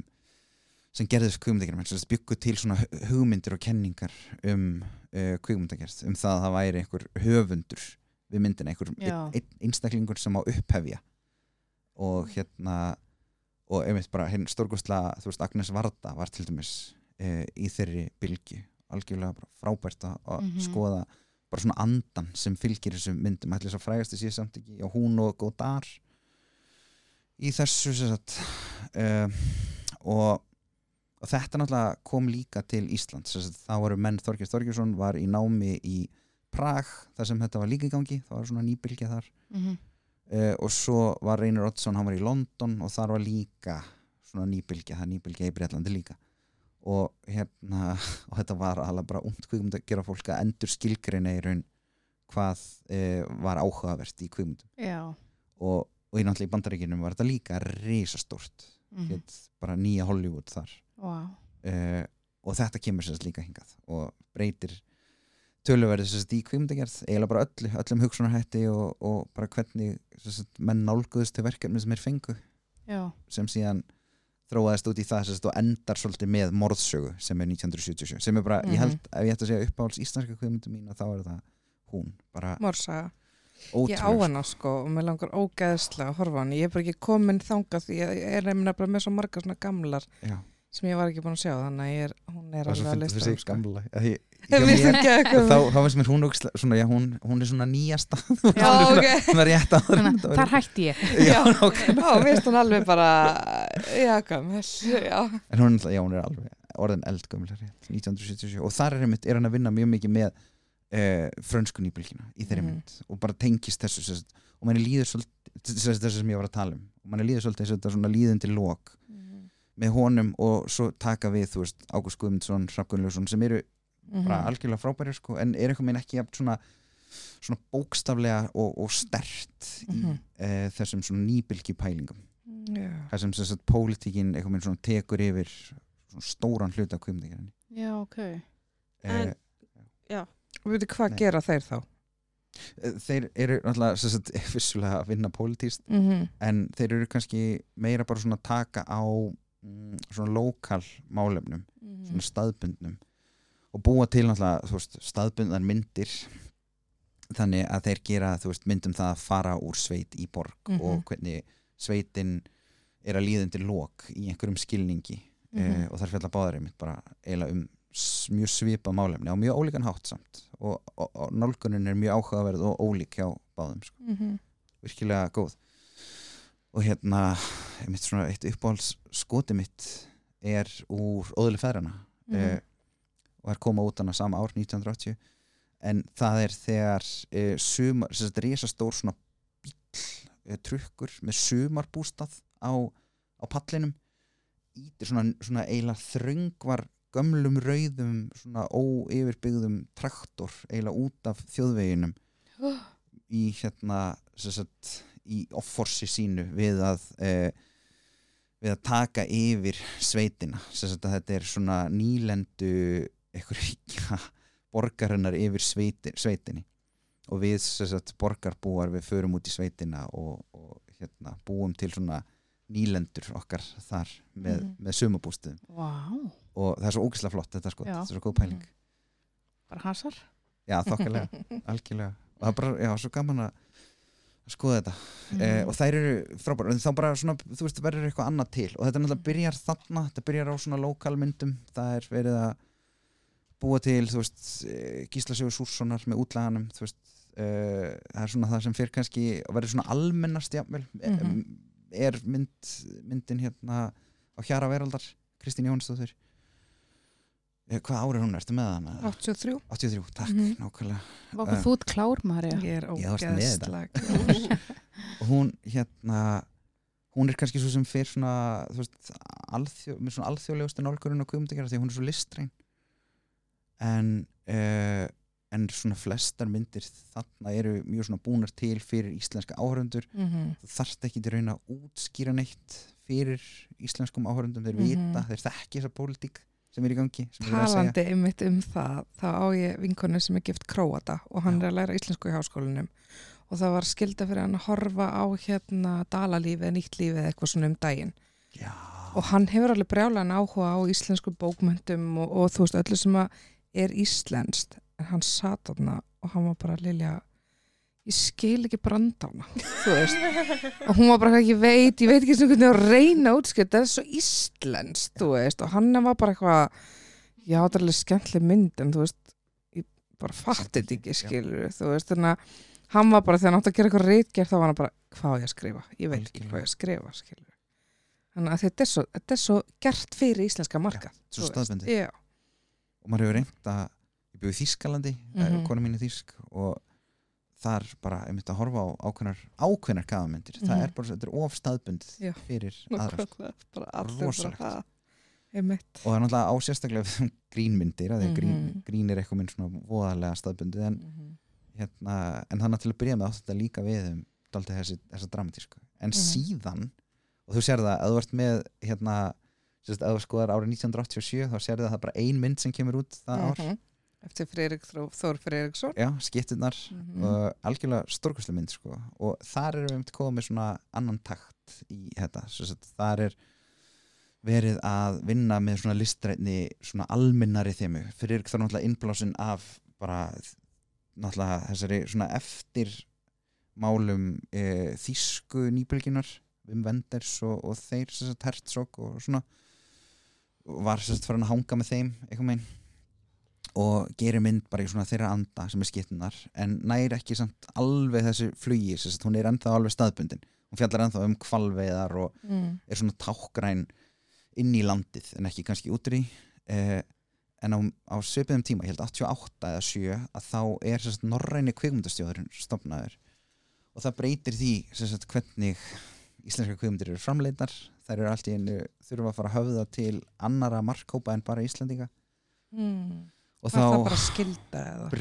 Var það bara skilda? Já, bara því að það var, þeir voru allt í einu konu með erlenda framleiðendur Já, og já. myndunum yrði þá dreift annars staðar líka og það þurfti að höfða til þeirra og þetta er náttúrulega, ég er, ég er að einfalda alveg óbáslega og þetta er miklu flókn eða þetta er er miklu flókn í já. en svona í grunninn þá er þetta það uh, og þá hérna þurfa efnistökin líka að breytast og þá sagt, þarf að uh, bjóða fólk velkomið á svona, svona minna staðbundin máta. Og uh, þetta gerist náttúrulega í björnum náttúrunar þar notar hann bara kvikmyndagreinina sem við köllum listrænu kvikmyndina til þess að bjóða fólk velkomið til Íslands. Velkomin til Íslands, hér er bara rosa skrítið og þú þarfst ekki endilega að skilja allt. Það er bara, það er Mhm. bara allsberg kona á klettunum og þurfum ekki að pæli því. Að er draugur. Að það er draugur Er, er þetta myndi sem var hérna, fóri Óskarinn? já, hún var um heldur tilnæmt að þessi Óskars tilnæmni hafi haft ykkur áhrif á íslenska kvikmyndagerð uh, ég veit að, ég heldur sem meira bara svona afleiðing frekar en orsök, já, held ég en Mhm. það er bara svona ég held hún hafi í raun náttúrulega, þú veist, eh, hún, það var rosalega stemming og fólk var rosa spennt og, og, og þetta skipti miklu máli, það er ekki það en ég held samt að hún hafi sagt, meira verið bara afleiðing af því sem var, var, var í gangi sem sagt, við þurftum að breytast og, Já, já. og hann var bara ótrúlega framalega í því og bara m- mér finnst og það má bara alveg vera ósamála mér, að finnst hann hafa svolítið svona endur skilgreint það hvernig við seljum Ísland hann tók það sem sigumólanir voru búin að skilgreina svo vel bara Íslandingar eru bara skrýtnar og þarst eiginlega ekki að skilja þá Mm. það er bara, við erum bara we, svona skrýtna Ísland Mhm. uh, og hljóp með það inn í kvikmyndagerð og gerði það, drullu, eða, gerði það ákvæmlega vel Já, og, já. hérna, það Það kemur svona alveg segja drullu. Já. Nákvæmlega. Uh, og hérna og í myndinni, næstu mynd á Köldum Klaka sem gerir hana 95 er það ekki? Gerir hann? Já uh, Já, hann gerir hann 95. Hann gerir samt aðra mynd á milli, sko. Hvaða myndir á milli? Bíódagar. Bíódagar, já, nákvæmlega Mhm. en hérna, sem er algjörlega lokalmynd sem sagt, mjög staðbundin fyrir hann sem sagt, fjallar bara um eitthvað sem við skiljum hér Mm, á mhm. Íslandi, það er ekki verið að höfða endilega út af, hann gerir svolítið svona hvort tvekja Mhm. Uh, að það er sagt, á kvöldum klaka þar sem, sagt, bókstala það er, hérna, eh, áhörundum er og áhörundur eru bóðnir velkominni til Íslands og Ísland er útskýrt fyrir þeim. Bara, ekki bara eitthvað svona þú veist, það er erlendu, erlend persóna sem það er að útskýra fyrir heldur sagt, er persónan alltaf mjög oft spurð sagt, uh, have you ever been to Iceland? You're gonna love it. Og svo lendur hann á Íslandi og þá endar hann í rútu þar sem það er svona tourguide sem segir bara já, velkomin til Íslands Íslandingar tala allir ensku við erum ótrúlega sérstök og skrítin við trúum öll á drauga uh, og eitthvað svona, segir ákveðna svona staðrindir hann er alltaf augljóslega ekki að tala við personun heldur er hann að tala til áhörund Já, þessi já, mynd já. átt að vera sem sagt, uh, fyrir uh, Erlendan Já, einmitt, já. en það framleita af sem sagt, Jim Stark sem var bandarísku framleiðandi sem hann Ekki, ekki hluti á Marvel Stark. Nei, nákvæmlega Vá, þetta var alveg umulegt. glatað, Industries, nákvæmlega Já, já. uh, og þetta breyttir rosa miklu og hérna, og þarna voru við bara að koma með svona einhverja ótrúlega þægilega uppskrift af því að geta svona þýtt þýtt íslenskar kveimyndir fyrir erlenda áhörundur Já. uh, þannig að þeir gáttu hort á myndirnar hérðan án þess að þú veist að þurfa að hafa búið hérna í 25 ár Mhm. uh, sem var mjög þægilegt sko. Og svo bara, þú veist, hefur þetta eitthvað minn þróast áfram og á ótrúlega, þú veist, mér finnst þetta, þetta hljómar eins og þetta sé eitthvað svona oh, og kvikmyndagjara minn voru svo vittlisur og gerði þetta bara til þess að selja þetta er, þetta er náttúrulega eitthvað bara snild að sérst, finna þessa línu og svo Mhm. geta þróa hana áfram er bara ótrúlegt afreg, finnst mér Mhm. og búa til eh, kvikmyndir sem geta verið alveg bara svona djúb íslenskar en, en sagt, eitthvað minn búið að spinna landi þannig að það, það þýðist Já. fyrir Erlanda áhörundur Mhm. Og við erum bara komin svo djúft inn í það að við, erum, við, við, við sjáum ekki lengur hérna, e, já, góður áhörundur, velkomin til Íslands það er skrítið Mhm. hérna þið Mhm. þurfum ekki að skilja allt Nei. heldur sjáum við það bara á fyrstu römmunum þú veist, það þarf Mhm. ekki, það er bara búið að kóða Mhm. þetta einhvern veginn, Mhm. þannig að Mhm. sem ég finnst svo fallegt og skemmtlegt og, og það er svo gaman að við séum Við komin erum ekkert svo vittlaus. ekkert sérstaklega en ég er algjör svona, ég reyna að vera svona frekar Mhm. Mm. íslenskum kvömyndum, mér finnst það rosa skemmtilegar Ég menna, þetta, að, þú þarft eiginlega að vera það já, þú veist. í þínu starfi. En þú Já. kallaði þarna myndirnar frá 80 og eitthvað, það var svona kvikmynda vorið, Já, sér það ekki? Nú erum við komin í svona 90 og eitthvað, þetta er, þarna er líka bara hrina kvikmyndum ár eftir ár eftir margar og árið. Já. Var þetta eitthvað svona, var þetta kallað eitthvað tímabili eða eitthvað svona? við erum ekki þá komið nafna á það, kannski kemur það kannski Já, bara með já. frekar rannsóknum Komdu kemur með það. já, ég kvænaði núna Hérna.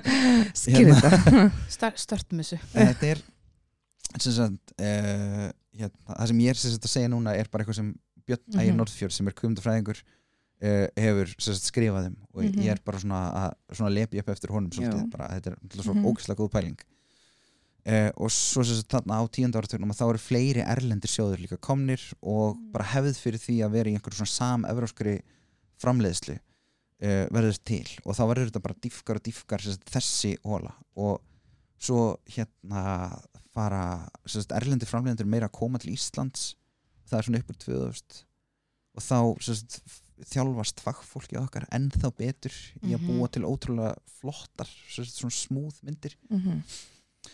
Það er eitthvað sem sagt, í kvikmyndum Mhm. sem heitir innsaumun sem sagt, það að, að líða eins og þú sérst bara dottinn inn í myndina þú ert bara Mhm, inn í mhm. myndinni og það er bara ekkert sem getur tröflað þig af því að þú ert bara inn í henni nema ef eitthvað klipp er ekki eins og það á að vera eða hljóðið er ekki eins og það á að vera eða eitthvað í myndatökunni er pínu skakt af því að þá ertu rifin út úr þessari innsaumun Mhm. og ertu ekki lengur hluti af efni myndarinnar uh, og þetta er eitthvað sem, sem sagt, uh, fagfólki okkar hérna á Íslandi lærði bara með því að fá þessi erlenduverkefni og náttúrulega vera að vinna að kvikmyndum hér uh, og bara kann svo ofbúslega vel kann bæði, bæði þú veist að stíla sér það þú veist að gera það eins og eitthvað brandara eins og leinulöggu eða eitthvað eða bara gera það í alvörunni, bara eins og í svartur leik sem er bara glæbunamynd, bara Mhm. íslensk glæbunamynd og bara fylgir bara hefðunum ris og fals e, glæbunahefðinni sem bara, þú veist, við sjáum í Public Enemy frá 1931 sko. það er bara, Mhm. Mhm. bara mjög klassísk e, glæbunamynd e, og það er bara svo gaman að sjá þess að það er ekkert í, í efni þess að ekkert í hérna tæknivinnslu myndarinnar sem er yfir mann út úr henni, maður er bara inn í henni allan tíman, Já. að því að hún er stórkustleg Mhm. og þetta á við, þú veist um svo margar myndir hérna og það er svo gaman að að skoða þetta og pæla í þessu. Eitt sem er sagt, mjög áhugavert samt Mhm. í varðandi hérna, það að selja myndum útlendingum. Sagt, eitt er náttúrulega þessar greinahefðir, þú veist að nota bara glæbunum myndina að þú þú veist, erlendur áhörandi að horfa á svarturleik þá þarft ekki að þekki íslenskan veruleika þannig séð Mhm. að því að hún fylgir hefðum sagt glæbunum myndarinnar. Mhm. þannig að þar eru reglurnar. Þú þarf bara að þekki þær. Uh, en síðan alltaf er eins og eins og Baltasar Kormákur gerði ógislega vel í hérna 101 Reykjavík og Mhm. Hafinu og Mhm. fleiri myndum líka uh, að bara stóla mér hvað var en hérna hann gerði ótrúlega vel að sagt, til í staðin fyrir að hafa svona já velkomin til Íslands hvernig hefur, þú veist, Mhm. Ísland er svona uh, að þá gerði hann það í 101 Reykjavík til dæmis að í bókinni að þá er ástkona mömmu hlins, hún er íslensk ég held að hann heiti Rósa eða eitthvað Mhm. uh, en í bíómyndinni að þá er hún sagt, orðin erlend erlendur karakter, hann er alltaf risastór stjarna sem hann fær til þess að leika Victoria Abril, hann er alltaf bara risa evrósk stjarna á þessum tíma. Uh, og þá ertu komið karakter sem er sagt, orðin þetta sjónarhótt, erlendu áhörnduna ég þetta sama gerðan í hafinu. Það er sem Mhm. sagt uh, kærasta hérna Hilmi Snæs er íslensk í leikritinu en verður frönsk í myndinni Já. og þá ertu komið með sagt, þetta svona erlenda líka sem sagt, þá ertu komið ingangspunkt það er hægt að, sagt, Mhm. hægt að útskýra alls konar fyrir henni sem personu en þá Mhm. ertu á saman tíma útskýra fyrir áhörn mjög þægilegt Já. og þetta er svona ein leiðin til þess að gera þetta og svo eru þú veist bara miljónara leirir og, og ein þeirra er í gegnum kvikmyndagreinina þú veist þeir eru margar aðgang margir svona margir gangar að þessu lindarmáli sem Ísland, Ísland er. Þetta er einmitt alveg lindamál út af því að Mhm. manni, maður fattar þetta ekki nema manni sé sagt það. Ég bara, já, ég bara, það ekki, ég bara, að það, það, alveg inni minn bara, ha, í alvöru. Þetta er magna, sko. Þetta eru svona einhverjar pælingar sem við erum að vinna með Já, já, stundum. Vá, þetta er svo geggja að það, ég bara, ég aldrei hugsaði þetta svona. En þetta er svona þessi kvimdufræði eh, og þá eftir að vinna Mm. þetta líka miklu lengur, það er rosalega margt sem eftir að vinna í þessu, Mm. við erum bara svona eiginlega rétt að byrja Mm -hmm. uh, og ég er svona, er að hripa þessari kvikmyndasögu saman og kvikmyndasamnun erum að, að gera það, að stoppa í götin og, og búa til eitthvað svona heildrænt yfirlitt uh, og reyna að búa til kenningar um tímabil og, og svona og það er svona, þú veist, það er að koma Mm -hmm. uh, og svo erum við bara, þú veist, já í kvikmyndafræðinni að reyna að fá sem flesta til þess að og í þessari samvinnu sem þetta mm. milli Mhm. háskóla og, og kvikmyndasafnsins að reyna að fá nefndur til þess að taka þátt sko. að því að þetta er alveg ótrúlega margt sem áttur að skoða Mhm. það er alveg mjög miklu að taka gríðarlega það er alveg, maður gerur sér ekki grein fyrir hvað íslensk kvikmyndasaga er stór hún, hún er algjörlega, hún er risastór og ofbúslega margir leikandur í henni já, mjög, mjög margir og margt sem er óuppgönda sko. Já, ég er að segja þetta svo hérna, ósnert eitthvað að, það er svo mikið sem þarf að vinna úr en það er bara geggjað, skilur við eins og ég Nákvæmlega, segja, þú veist, þú ert að vinna við eitthvað sem að engin annar er að gera.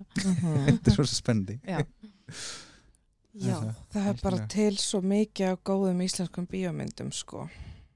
Og bara sem betur fyrir erum við bara áfram að gera fleiri og skemmtilegri myndir. já ég mitt þegar ég var að fara í gegnum íslenskar bíómyndir, alveg bara frá því að það var byrjað að gera íslenskar leiknar myndir þá var ég alveg bara vákvað við eigum mikið af myndum og ég er Mhm. ekki búin að þú veist, sjá svo margar af þú veist, sem er á þessum lista en síðan er það, þú veist, það er eitt sem er langar til þess að ræða við þig líka Já. að það er aðgengi að íslenskum bíómyndum Ó, það er sko. þetta, það er bara ótrúlega erfitt að komast að þeim. Það er bara brenglað að íslensk, sérstaklega bara íslensk kvikmyndagerða fólk hafi ekki greiðari aðganga að þessu.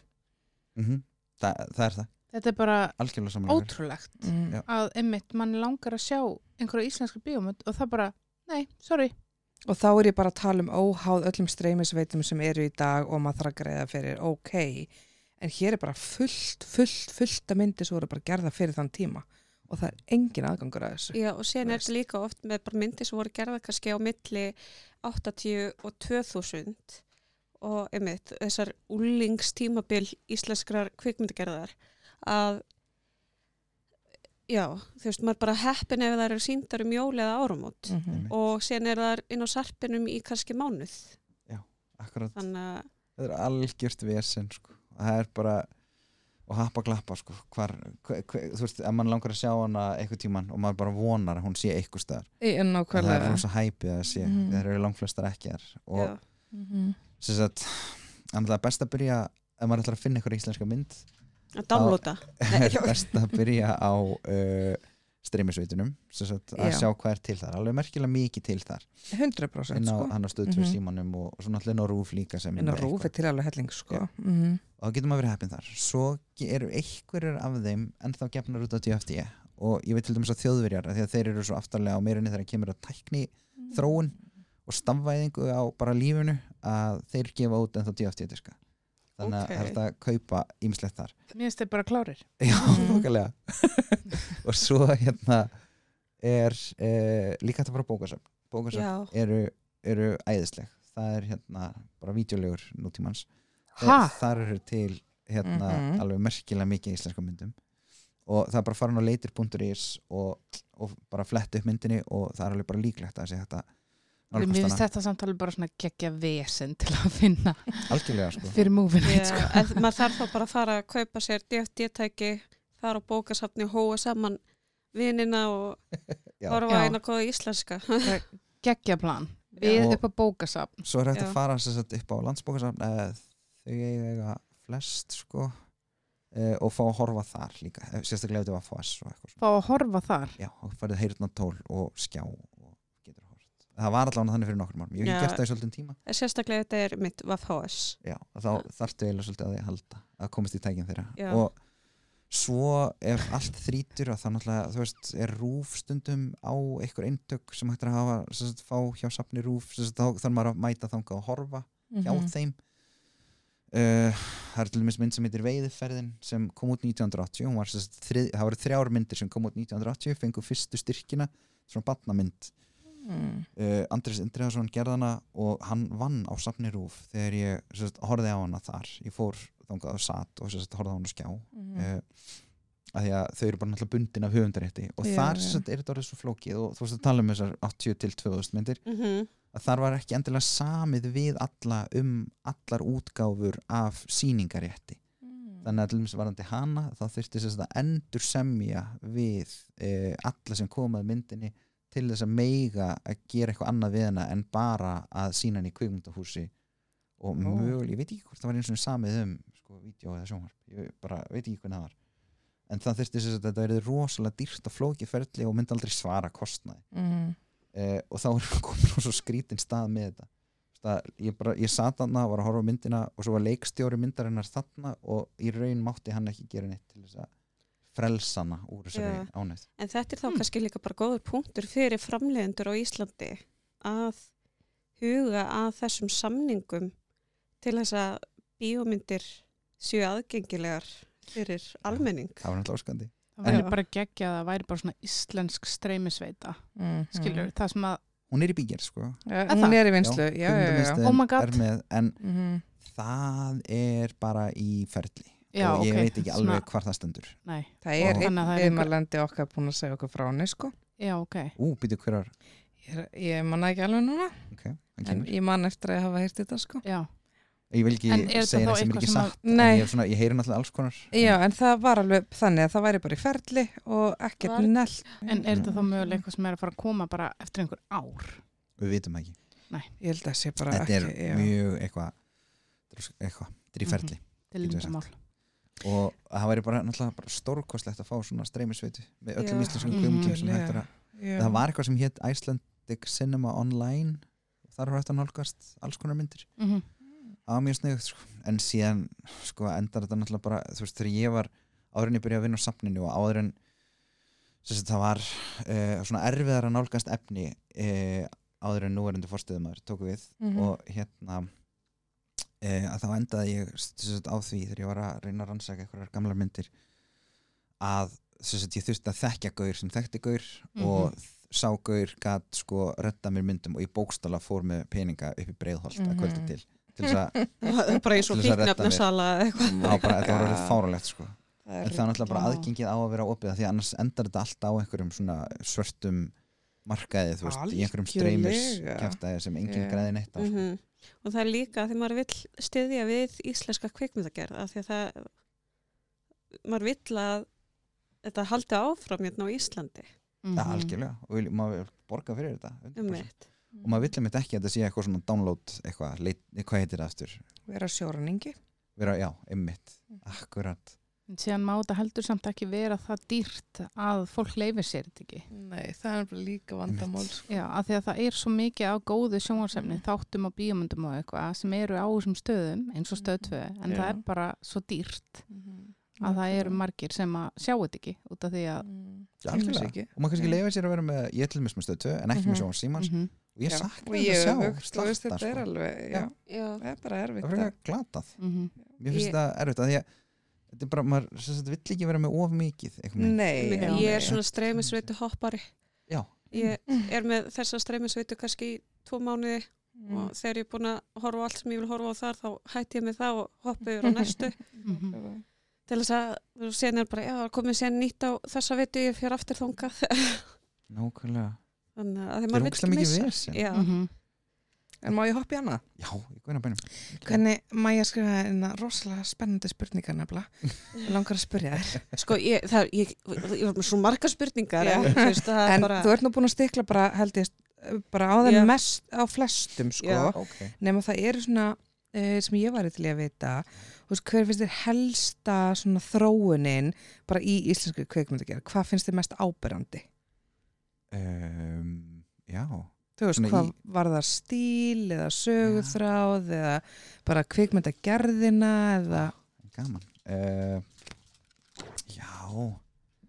Mér finnst hérna svona það er margt náttúrulega sem kemur inn. En mér finnst ógislega gaman að sjá bara þessa þróun í uh, hvað sagt, orðin svona tæknilega hæf. Að lúkið á myndinum er orðið svona Mhm. ofbúrslega gott. Mhm. og þessi svona innsaumun sem ég var að tala um hann að hún, sagt, hún virkar, hún helst það er engin engin lengur að pyrra sig á þessum hlutum og ef þú ert að pyrra það á hljóðinu þá er náttúrulega bara ofbúrslega líklegt að þú sért Íslendingur sem er vanur að að lesa myndirnar sem sagt, þú ert bara að lesa textan og svo allt í henni horfur íslensku mynd án texta þá Já. heyrur ekki hvað er sagt af því að þú ert Það varst ekki að að lesa á sama tíma Já. Já. uh, og það er svona ekki það er sagt, bara Mhm. ennþá bara, já, bara fínt eins og það var og er. Að það var mikið talað um þetta hljóð. Uh, nei, mér finnst bara ótrúlega gaman að sjá það. Sem sagt, hvað þeir eru búin að hvað þeir eru komin langt í þessu. Já. og uh, við getum gert svona genramyndir, svona greina myndir Mhm.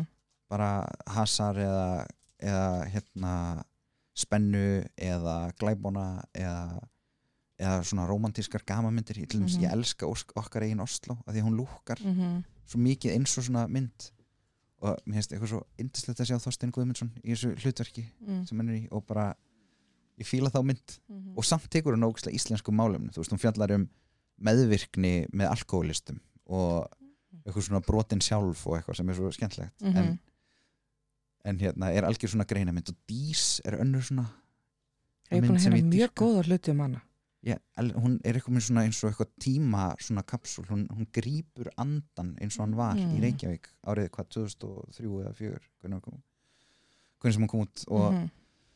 hérna, og mér líður líka eins og uh, að hún sé sagt, það var náttúrulega þetta Dirty Weekend dót þarna og 101 Reykjavík var svolítið svona eitthvað meginn upptaktur að því sagt, að, að þú gast verið ja, á djammin á, á, í Reykjavík og það var alltaf eitthvað að gerast og eitthvað Mhm. kynferðislegt í gangi og eitthvað svona.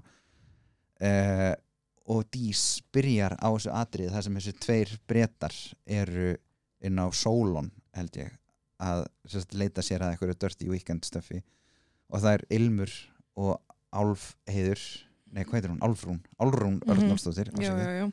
Eh, að, að Ilmur og Álrún eh, að þær sitja þarna og halda þeim sem sagt, pistilinn. Og í raun manni líður eins og sé mótsvar ekki bara við þessu dirty weekend þetta heldur líka bara við því sem er í gangi í hundraðinum Reykjavík. Og það er Mhm. eitthvað svo briljant hvernig sem sagt, svona, þessar tvær svona myndir um ungt fólk í Reykjavík í miðbænum svona kallast á á eitthvað handamáta mm -hmm. eh, og þarna er þetta er náttúrulega bara snemma en samt finnst mér hún lúka ógislega vel. Eh, en ég fíla svona greinamyndir sem sagt, íslenskar myndir sem líta út fyrir að að fungera í einhverjum svona stærri, í stærra samhengi. Já, ég skilji. Það. Að já. En heldur að íslensk kvikmyndigerð hafi farið meira í svona greinamyndir eftir 2000? uh, ekkert endilega sko. Ah, en þær urðu bara svona skýrari betri, eða betri, bara litur betur út. Bara mm tæknivinna var betri. Og það er alltaf frægt uh, árið 1988 eða eitthvað þá kemur út mynd sem heitir Foxtrot Mhm. sem átti að vera svona hasarmynd. Já, og var með dansmynd, ég veit ekki eftir nákvæmlega, það heitir eftir dans. Uh, og hún sem sagt átti að vera bara svona ha hasarmynd bara og er með öll svona element hasarmynda og maður sér það alveg sem sagt, en hún er samt aðeins of 80s og aðeins of Mm. svona, svona vankantar á henni sem gef, svona koma upp um hana svolítið. Mhm. en hún er algjörlega e, frábær sem slík. Og hún var sem sagt, þeir plönuðu, þeir voru með opaslega háleit markmið þannig að þeir tóku upp sagt, íslensku útgáfuna og ensku útgáfuna af henni á sama tíma. Já. og gáfu út ætlaði að sagt, sigra eh, erlenda markaði henni. geggja sko. Það eru svona, það eru nokkara íslenska myndir sem hafa gert þetta. Við erum með sagt, erlenda og íslenska útgáfi Regína líka, Það- elskar reikinu íslensku kanadísk að hún er líka til á ensku. Ég er alltaf rosa fúl út í þessa mynd sko. Fekk ekki hlutverk. Ha? Eina áhernapröfan sem ég í. Glata Það varst ekki þú. og Það svo varst ekki þú. var ekki, Ég var reyndar ekki að sækja um fyrir reikinu Ég var að sækja um bara að vera í dansóknum sko. og, söng, og söngóknum Ég söng bara ekki nóg vel. Jesus. Ég Var var ekki gott að bara tíjar Nákvæmlega. Ég var samt bara tíjar en alltaf þurfum við sér Regínu plakkat eða Sko þetta diska, var eiginlega pínu óþægilegt af því að stelpan sem leg reikinu þú var í hinum grunnskólanum í hverjunu eða þú veist, ég var í reymaskóla og hún var í húsaskóla. Já, sko. Marja var fyrir framann bíóhúsi þar sem hún var frumsýnd og mótmælti. Já. Já, þú veist, þannig að maður var bara eitthvað ah, vitið þið hver að leika reikinu það er hann að gæla hann hann hvað er hún Sigurbjörg eða eitthvað í húsaskóla Uh, Já, og það er náttúrulega annað þú veist við bransan en ég þekki það minna sem þetta um hvað þetta er allt lítið Mhm. Já, og er allir lítið. þekkjast. Já. og þetta er svo flóki og meiri séð þú í Mhm. þínu litla dæmi að þá þekktur þú samt eitthvað til aðleika og sko ógeðslega fyndi í dag allar stelpunum sem voru dansarar ég er búin að kenna með þeim öllum dans. Já, ok. Þú veist, þetta er alveg það lítið sko. Fyndið. já, þetta er mjög skemmtilegt Nei, já. þær fara í sín svona regínu nostalgíu spjöll og þú ert ekki ég er ekki nýðin það er ekki Ég- ég- sko. Sko ég man ekki eftir að hafa hort á Reginu en ég man eftir að hafa hort á stikkfrí. Uppáhaldsmyndi mín. Og Shit, ég, sko ég þurfti alltaf að fara út úr stofunni þegar það voru að ræna barninu Mm. af því að mér fannst þetta svo stressandi. Já, þetta er svo ránt Já, og ég bara, ég var með nagandi samvinskupið fyrir hönd stelpnana þetta var hræðilegt. Og náðum hann þessi mynd. Já. það er bara svakalegt. En sko emmi, talandi um að því við erum að tala um bíómyndir, þú er búin að segja að Morsa bara er því ein, af þínum uppáhalds íslensku. Um, ef þú myndir taka svona það er eitthvað 80 eða eitthvað na, 77 tökum síðan bara 92 nefndu einu og eina. Já, uppáhalds mm -hmm.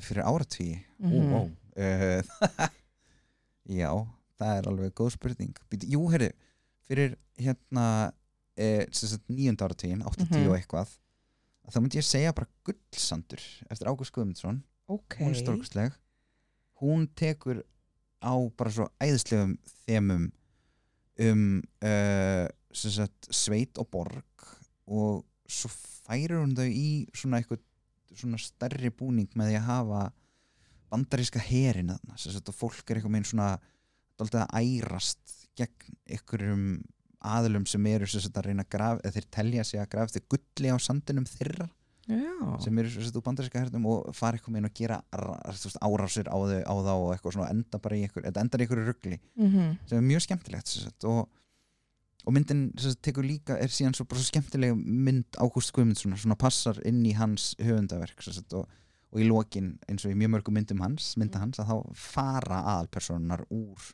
þessum aðstæðum sem þær eru sagt, þá flytja þær og svolítið svona nýtt upphaf þær fara mitt, fá far með bandarækjumörunum þegar þeir nennir sig ekki lengur mm. og fá þau fara, fara úr sveitinni ah, Eh, ok með þeim sem eru ógislega bara gott og góður Mhm, endir á skemmtilegri mhm. mynd sko. og þetta Björgvins og Pálmi Gesson bara Vá, wow. það er gott kombo Já, rosa skemmtileg mynd um, ok. tíunda áratugurinn þar eru ó, það eru svo margar en mér langar samt að segja bara, vera daldið svona hefbundur og segja Sódóma Reykjavík því hún er bara svo ógislega skemmtileg Mhm. það væri Það hægt að segja veist, sko. engla alheimisins eða eitthvað en ég held samt bara Sódóma það er bara svo margar góða myndir ég get ekki svona valið sko. jú, ég veit hvað uppáhaldsmyndir mínar er en þú veist, er? Perlur og svín Í alvöru? já, svona gegg Vá. ég horfði á hann svona hundra svona á dag þegar ég var lítill ég var Já, alltaf að horfa á Já, hann ok, þú er náttúrulega svo þannig þegar þú var slítil já, Ok, það breytir þú svo miklu upp á svona ég veit ekki Eitthvað hvernig hún er í dag sko. Ég horfði á hann um dæmi, mér finnst hún svona, já ég man bara eftir einhverjum rifrildum að nú eldur svona ég man ekki mikið meir og myndir í dag sko. en ég man ég var alltaf að horfa á hann þegar ég var lítill sko. Já, já, það var svo gaman að eiga svona mynd sem maður horfir aftur og aftur, aftur. já, já. ég verð samt að fara að horfa á hann í dag bara að svona sjá. Já. síðan náttúrulega klassík að þarna Benjamin Dúfa Og Benjamin Dúan sem alltaf að er situr eitthvað mann annað í manni sko. sko, ég horfði á hann í COVID ég hafði aldrei séð hann Varstu ekki að, ég var ekki að fylna ég trúi sér þetta er náttúrulega bara eineltismynd, ég var bara reið. Hæ? já, Hvernig er farið með hver er sem þú voru, svo, von- voru ekki svo vondi við konaðna og eitthvað? Konuna? Er ég að rugglast? Varstu með COVID þegar þú horfir á hann? er þetta ekki strákarnir sem að fara síðan og eru Þetta að er regla rauðadregans, rittara rauðadregans já og, þeir eru í einhverju svona íbúða hverfi Jú, og það Já, er, er gömul kona sem þeir elskar sko, en síðan er, er hann hann að kveikir einhver í hjá hann vondistrákurinn já, hann. Hann. Hann alltaf drepur köttin hennar já, sko. eða það. Og svo kviknar í hjá henni og hann bjargar lífinu Ó, en hann fórnar sér ekki sem í, sagt. alveg rétt ok, ég var aðeins búin Þetta að er myndir falleg saga, sko, af því að En- hann fær svo gott redemption arc sko, Mm. af því að hann er þessi vondi, vondi gaur sem leggust þá í einelti og þeir eru svona ryttarar rauða, reglu rauða dregans uh, og svo er þess að aðal vondistrákurinn er samt, ah, ég man ekki hvað hann hét úr hópnum þeirra sem fer þess að í hitt ryttaraliðið já, og svo er það náttúrulega auðmingja baldur sem deyr í lokin og það er Mhm. náttúrulega bara það er svo óbúrslega átakalegt já það er Það er bara hræðilegt. Ég hefði bara átt að sjá þess að myndi ég var lítil. Já ég held það. Já. sko ég var samt svona tvítug þegar ég sá hann í fyrsta skipti en þú veist þetta er bara oh, situr í manni. Hún er rosalega sko. Mm. og náttúrulega maður átt að vita hann myndi deyja því að það eru svona, þú veist, bara í nafninu hans liggur vísbendingin, Já, bara einmitt. Baldur döði er, svo heitir hann Baldur og það er bara, hann hlýtur að vera að fara að deyja. Já, var ekki Baldur góðið sem var skotin í, í hælin hana í góðsögunum og eitthvað, þetta er bara hræðilegt sko. En já, hann, hann deyr og það er umlegt og nú erum við búin að spilla henni alveg rækilega fyrir fólk, Mhm. en það er náttúrulega á að vera búið að sjá hana. Já, Já. já, já. Það er En það hvað er þín? þú veist, komið næst í mín? 30 ár Mhm. síðan Uppáhalds. þannig að- já, nákvæmlega. Á þessum tíma? Já, kom Englar til alveg. Eil, já, ég hef ekki þurft að spyrja. Hún er æðisleg. Já, og Þá þetta, það þessi tónlist Sigurðsar er náttúrulega bara hún er náttúrulega ógeðslega góð svo mynd það er hljóta allir að vera búin að sjá hana já. En Það svo er- Ingvar svo er E, síðasti- einmitt vinnur okkar, hann hérna Já. var í henni og hún bara, eins og ég sagði við hann hún hefði ekkert eh, verið ein, það sem hún var án hans. Já, þarna yngvar sem er með mér á hljómsveit. Já, ég er síðasta áratugurinn? Já, um, hmm, það er spurning sko. Mátt segja frá 2000 til 2010 og svo 2010 og upp. Já, já, einmitt uh, hvað eru góður nú þarf maður að muna þetta er svona skólast svolítið fyrir svolítið saman. Þess að hvað er uh, hvenar í þessu? Það er rosalega góða myndir hérna sko. Nefnilega, það er vandamáli við þetta. Mm. það er alveg bara agalegt þetta eru, Ég held ég myndi segja Reykjavík og Rotterdam. Já hún er alltaf mjög, mjög skemmtileg sko. mm og er einmitt svona, svona þessi svona spennutrillir með svona glæbona mm ífavi Góð sko. Algjörlega. Já, vá, þetta er náttúrulega bara þetta er svo erfitt að fara, já. Ég dýrka astropíu Mhm. Oh my god, ég ætlaði að fara að setja út á hana. Er það? og ég, ég elska hana. Mér finnst hún svo skemmtileg. Að það er náttúrulega um nördakultúr sko. Já, mér finnst það að það vera það sem er gott við hana. Já, en hún er bara svo slæm Já, ég er bara alveg sammála Ég þetta er bara örgulega einn leiðilegasta bíómynd sem ég séð. Ég var bara, Alveg. þú Já. verður bara að klára að horfa á hana. kláraði Já. bara að horfa á hana að því ég reyna alltaf, ég vil, ég vil aldrei stoppa í miðju sem ég er að horfa. Finnst ykkur ekki gaman hvernig svona þú veist, fantasían tekur yfir og, Ég er rosa svona, hún er alls ekki þar um bríð, þú veist, hún er bara alls ekki ævindýra megin í lífinu. Já, ok já, Ég er alveg þar. Já, ok, bara- og samt var þetta ekki alveg þegar ég var, ég var spennt sko, hún, ég var fyrir vonbröðum Já, ég veit ekki. Ég bara, já. Ég fíla hana, ég finnst ótrúlega gaman og mér finnst hún svona fyndin og svona doldi svona, er svona nýr andblær í íslensku mm Mhm. kvimdigerð með henni. Það er bara allt öðru í sig. Og við fáum En, bara, já, þú veist, hún er svona kallast á, svona skemmtilega ávið, þú veist, sódómu hana tíu árum Mm. fyrr eða svo, Já, eða einhverjum 13 árum fyrr. Það var öruglega skemmtli mynd á þeim tíma en þú veist, ég horfði bara á hana líka í COVID já, það er ekki hægt að horfa í COVID greinilega eitthvað rögl í gangi En það skiptir einmitt svo miklu máli hvenar maður sér myndirnar. Þú veist, Mhm. hvað maður, eh, minna, hvað manni finnst um þær ekkert Já. smá, og aðstæðunar sem maður horfir á já, í, og það ég Mhm. var einmitt að tala við hann kjartan um daginn og hann uh, var að tala um hún finnist Pulp Fiction til dæmis ekkert geggjuð, Mhm. en þú veist, þá var einmitt fyrsta spurningi mín bara hvenar sást hana? Þú veist, og hann var orðin aðeins svo gamall þegar hann sá hana. Hann var búin að sjá aðrar Tarantino myndir áður, veist, þannig að þetta spila rosalega mikið inn í, sko. nákvæmlega, Það er fyrir hann kannski sjá í gegnum sjá í gegnum klísjutnar Já, Mhm. mögulega, þá þekkir hann þær, getur Mhm. pikkað út. Á meðan þetta er náttúrulega bara eins og einhver veggur af bara einhverju snill til að maður horfir á hann í Mhm. fyrsta skipti. Uh, sko ég myndi eiginlega bara segja Nói Albinói, Já, ég veist hún hún er æði. Býtu, það er hann til 2010 2003, já, Já. til 2010, nákvæmlega ég myndi alveg, já, segja það Já, það ég er sammála, hún frábær. Já. og hún býr aftur líka til svona þetta íslenska smáþorp sem einhvern veginn bara passar inn í hvaða land sem Mhm. er Mhm, uh, það, er bara, það er bara bankinn og skólinn og mhm. búðinn og legubílinn og eitthvað Mhm. og bara Ég eitt af man hverju þegar þessi mynd kom út, hún var rosa stór. Eða svona, mér fannst allir vera að tala um hana. Að því að það er alveg fullt af myndum minn sem ég man bara ekki eins og eftir að hafa heyrt nafnið á, sko. Ég man að nógu albin og hún var svona, örglega því hún var pínu öðru í sig, var að fjalla með þessu öðru í sig málefni. Já, em- einmitt, ég man rosalega mikið eftir að bara Mhm. umræðinu. Ég held kannski að það væri bara því að hún var tekin upp fyrir vestan að allir kringum við var að tala um hana. Það er loksins eitthvað að gerast á Ísafirði. Auðvitað.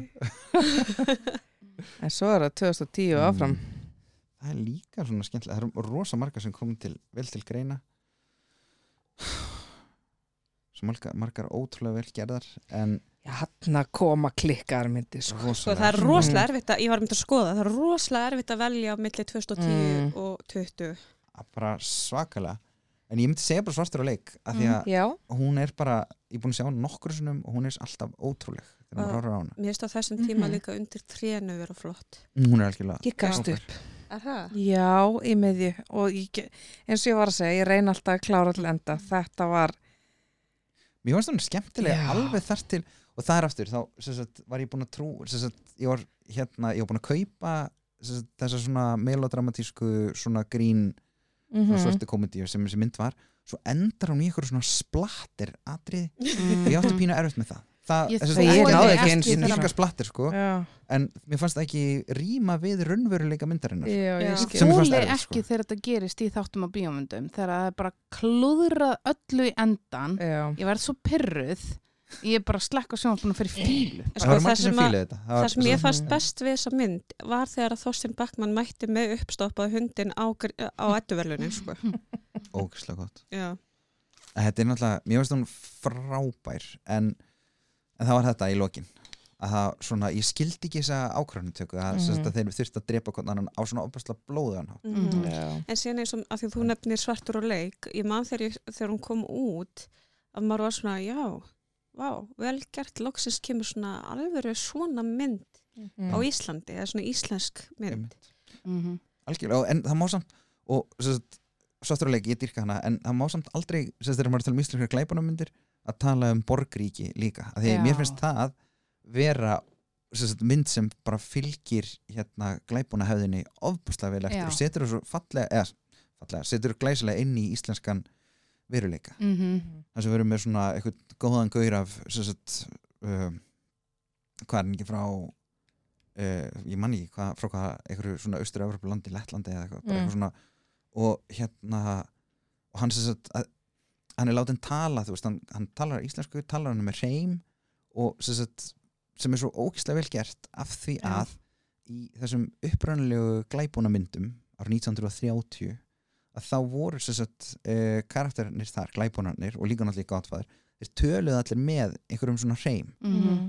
og, og málhreimar á íslensku eru bara svo mikið gull eitthvað og ofbúrslega mikilvægir fyrir bara þróun tungumálsins og það er svo gaman að sjá sagt, þá tekna inn í þessa svona ríku hefð glæbúna myndarinnar Já, uh, og ég, sagt, ég fíla Borgríki og Borgríki Já. 2 er líka mjög áhugaður sko, en það er aftur svona rís, rís og fall eitthvað megin. Mhm. Mhm. Ég á eftir að sjá þessar myndir.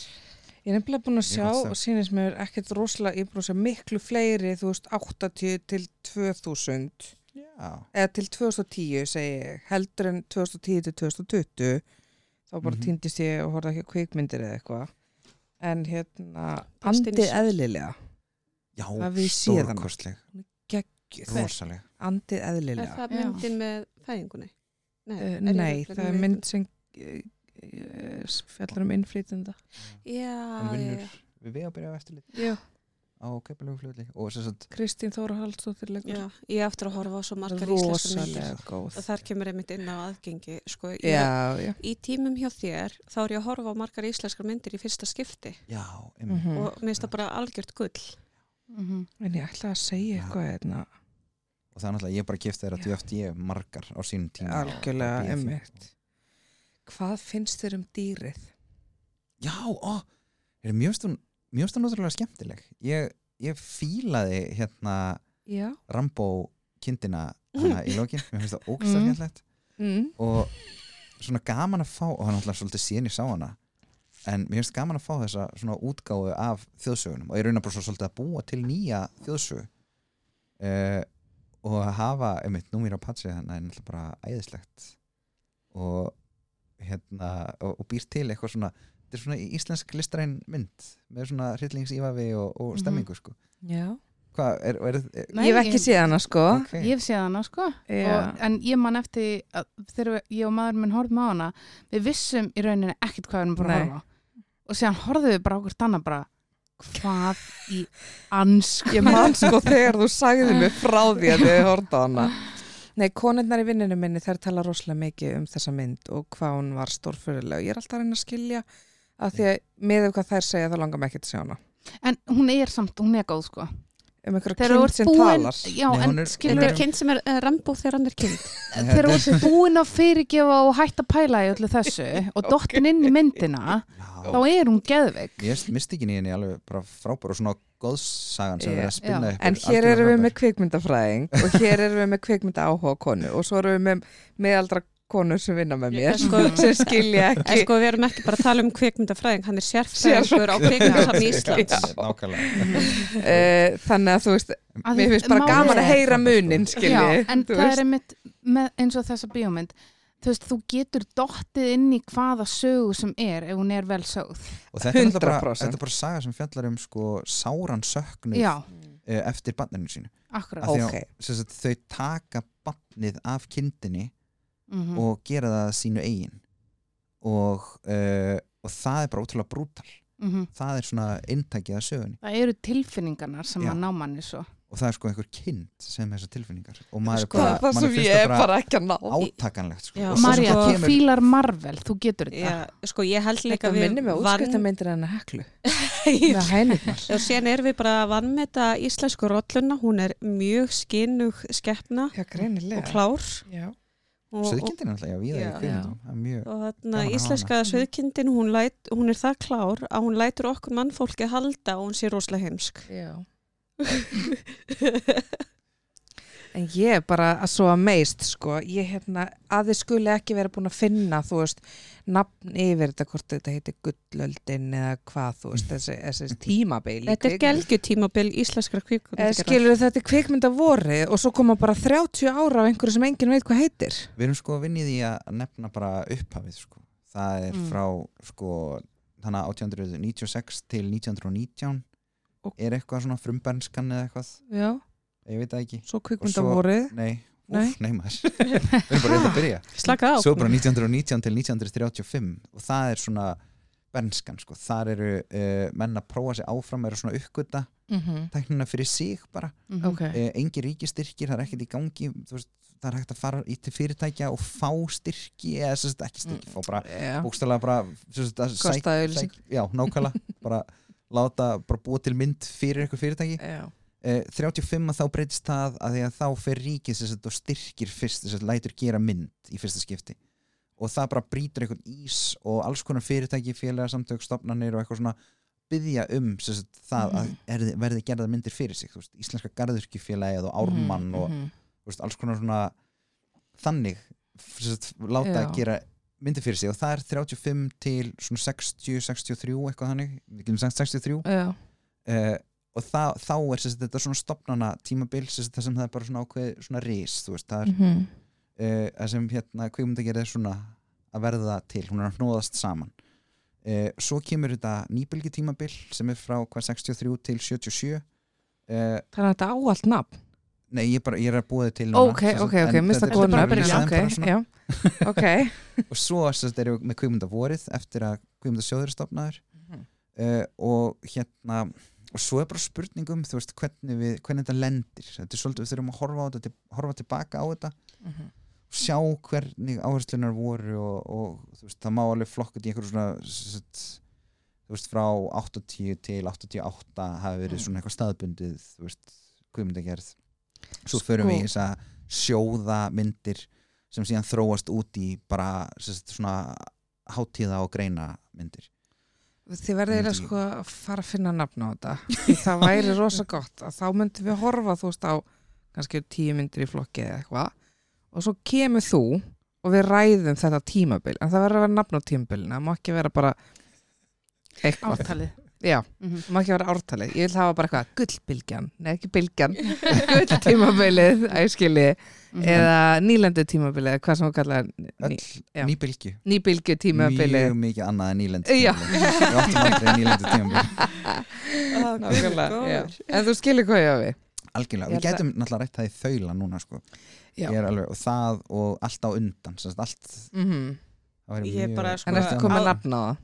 Nei, mér finnst það bara ótrúlega Komið skemmtilegt Já. og ég væri í alvörun alveg til í að fá þið setna til þess að fara bara dýbra í hvert hérna, kannski búum við bara til nafna á þetta Já. hvert, eða svona eitthvað, svona tíu ára tímabil skilur um, ég Mhm. held að væri óslega áhugavert að fara bara í hverju mynd fyrir sig og veist, og, og ræða þannig þróunina á í rauninni myndunum Mhm. ef þú hefur áhuga.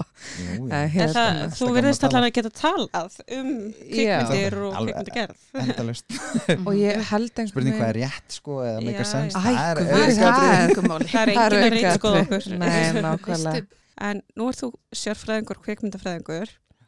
Hvað, hvaða ráð myndir þú gefa upprennandi kvikmyndafræðingum sem eru að taka sín fyrstu skref sem, fyrst, eh, sem kvikmyndafræðingar?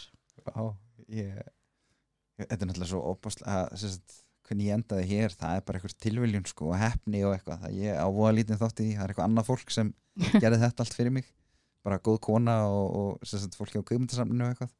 Þannig að ég held bara einmitt að vera, vera næs við aðra. Uh, en líka bara að segja alltaf já.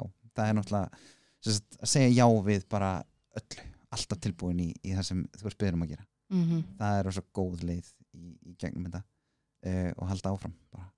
það er svona það sem, það sem gerir það er ekki, það er ekki endilega gæðin í augnablikin, það er eitthvað meginn bara svona seglan og dugnaðurinn sem, sem, sem fara að skila sér og mér finnst það bara svona eiga ágætlega við bara að ein, að, að hundra færslur af tímarit.is er ekki nóg þær þurfa að vera tíu þúsund og maður hættir, hættir aldrei Mhm. Nákvæmlega. að mér finnst þú líka bara að vera góð fyrirmynd fyrir upprinnandi sem sagt kvikmyndafræðinga en takk fyrir það Já. Ekki læja. Nákvæmlega, ekki leið, mér finnst það í alvöruna því að þú veist, ég myndi alveg vilja uh, sitja í tíma hjá einhverjum sem er með þessa visku, skilur Og bara þennan áhuga. og þennan áhuga, það er svo mikilvægt að kennarðin sé áhuga samur um það sem hann er að kenna af því að það er ekkert 100%. leiðilegra heldur hann að sitja í tíma sem kennarinn er bara, já, lest á töflunni horfða á myndina.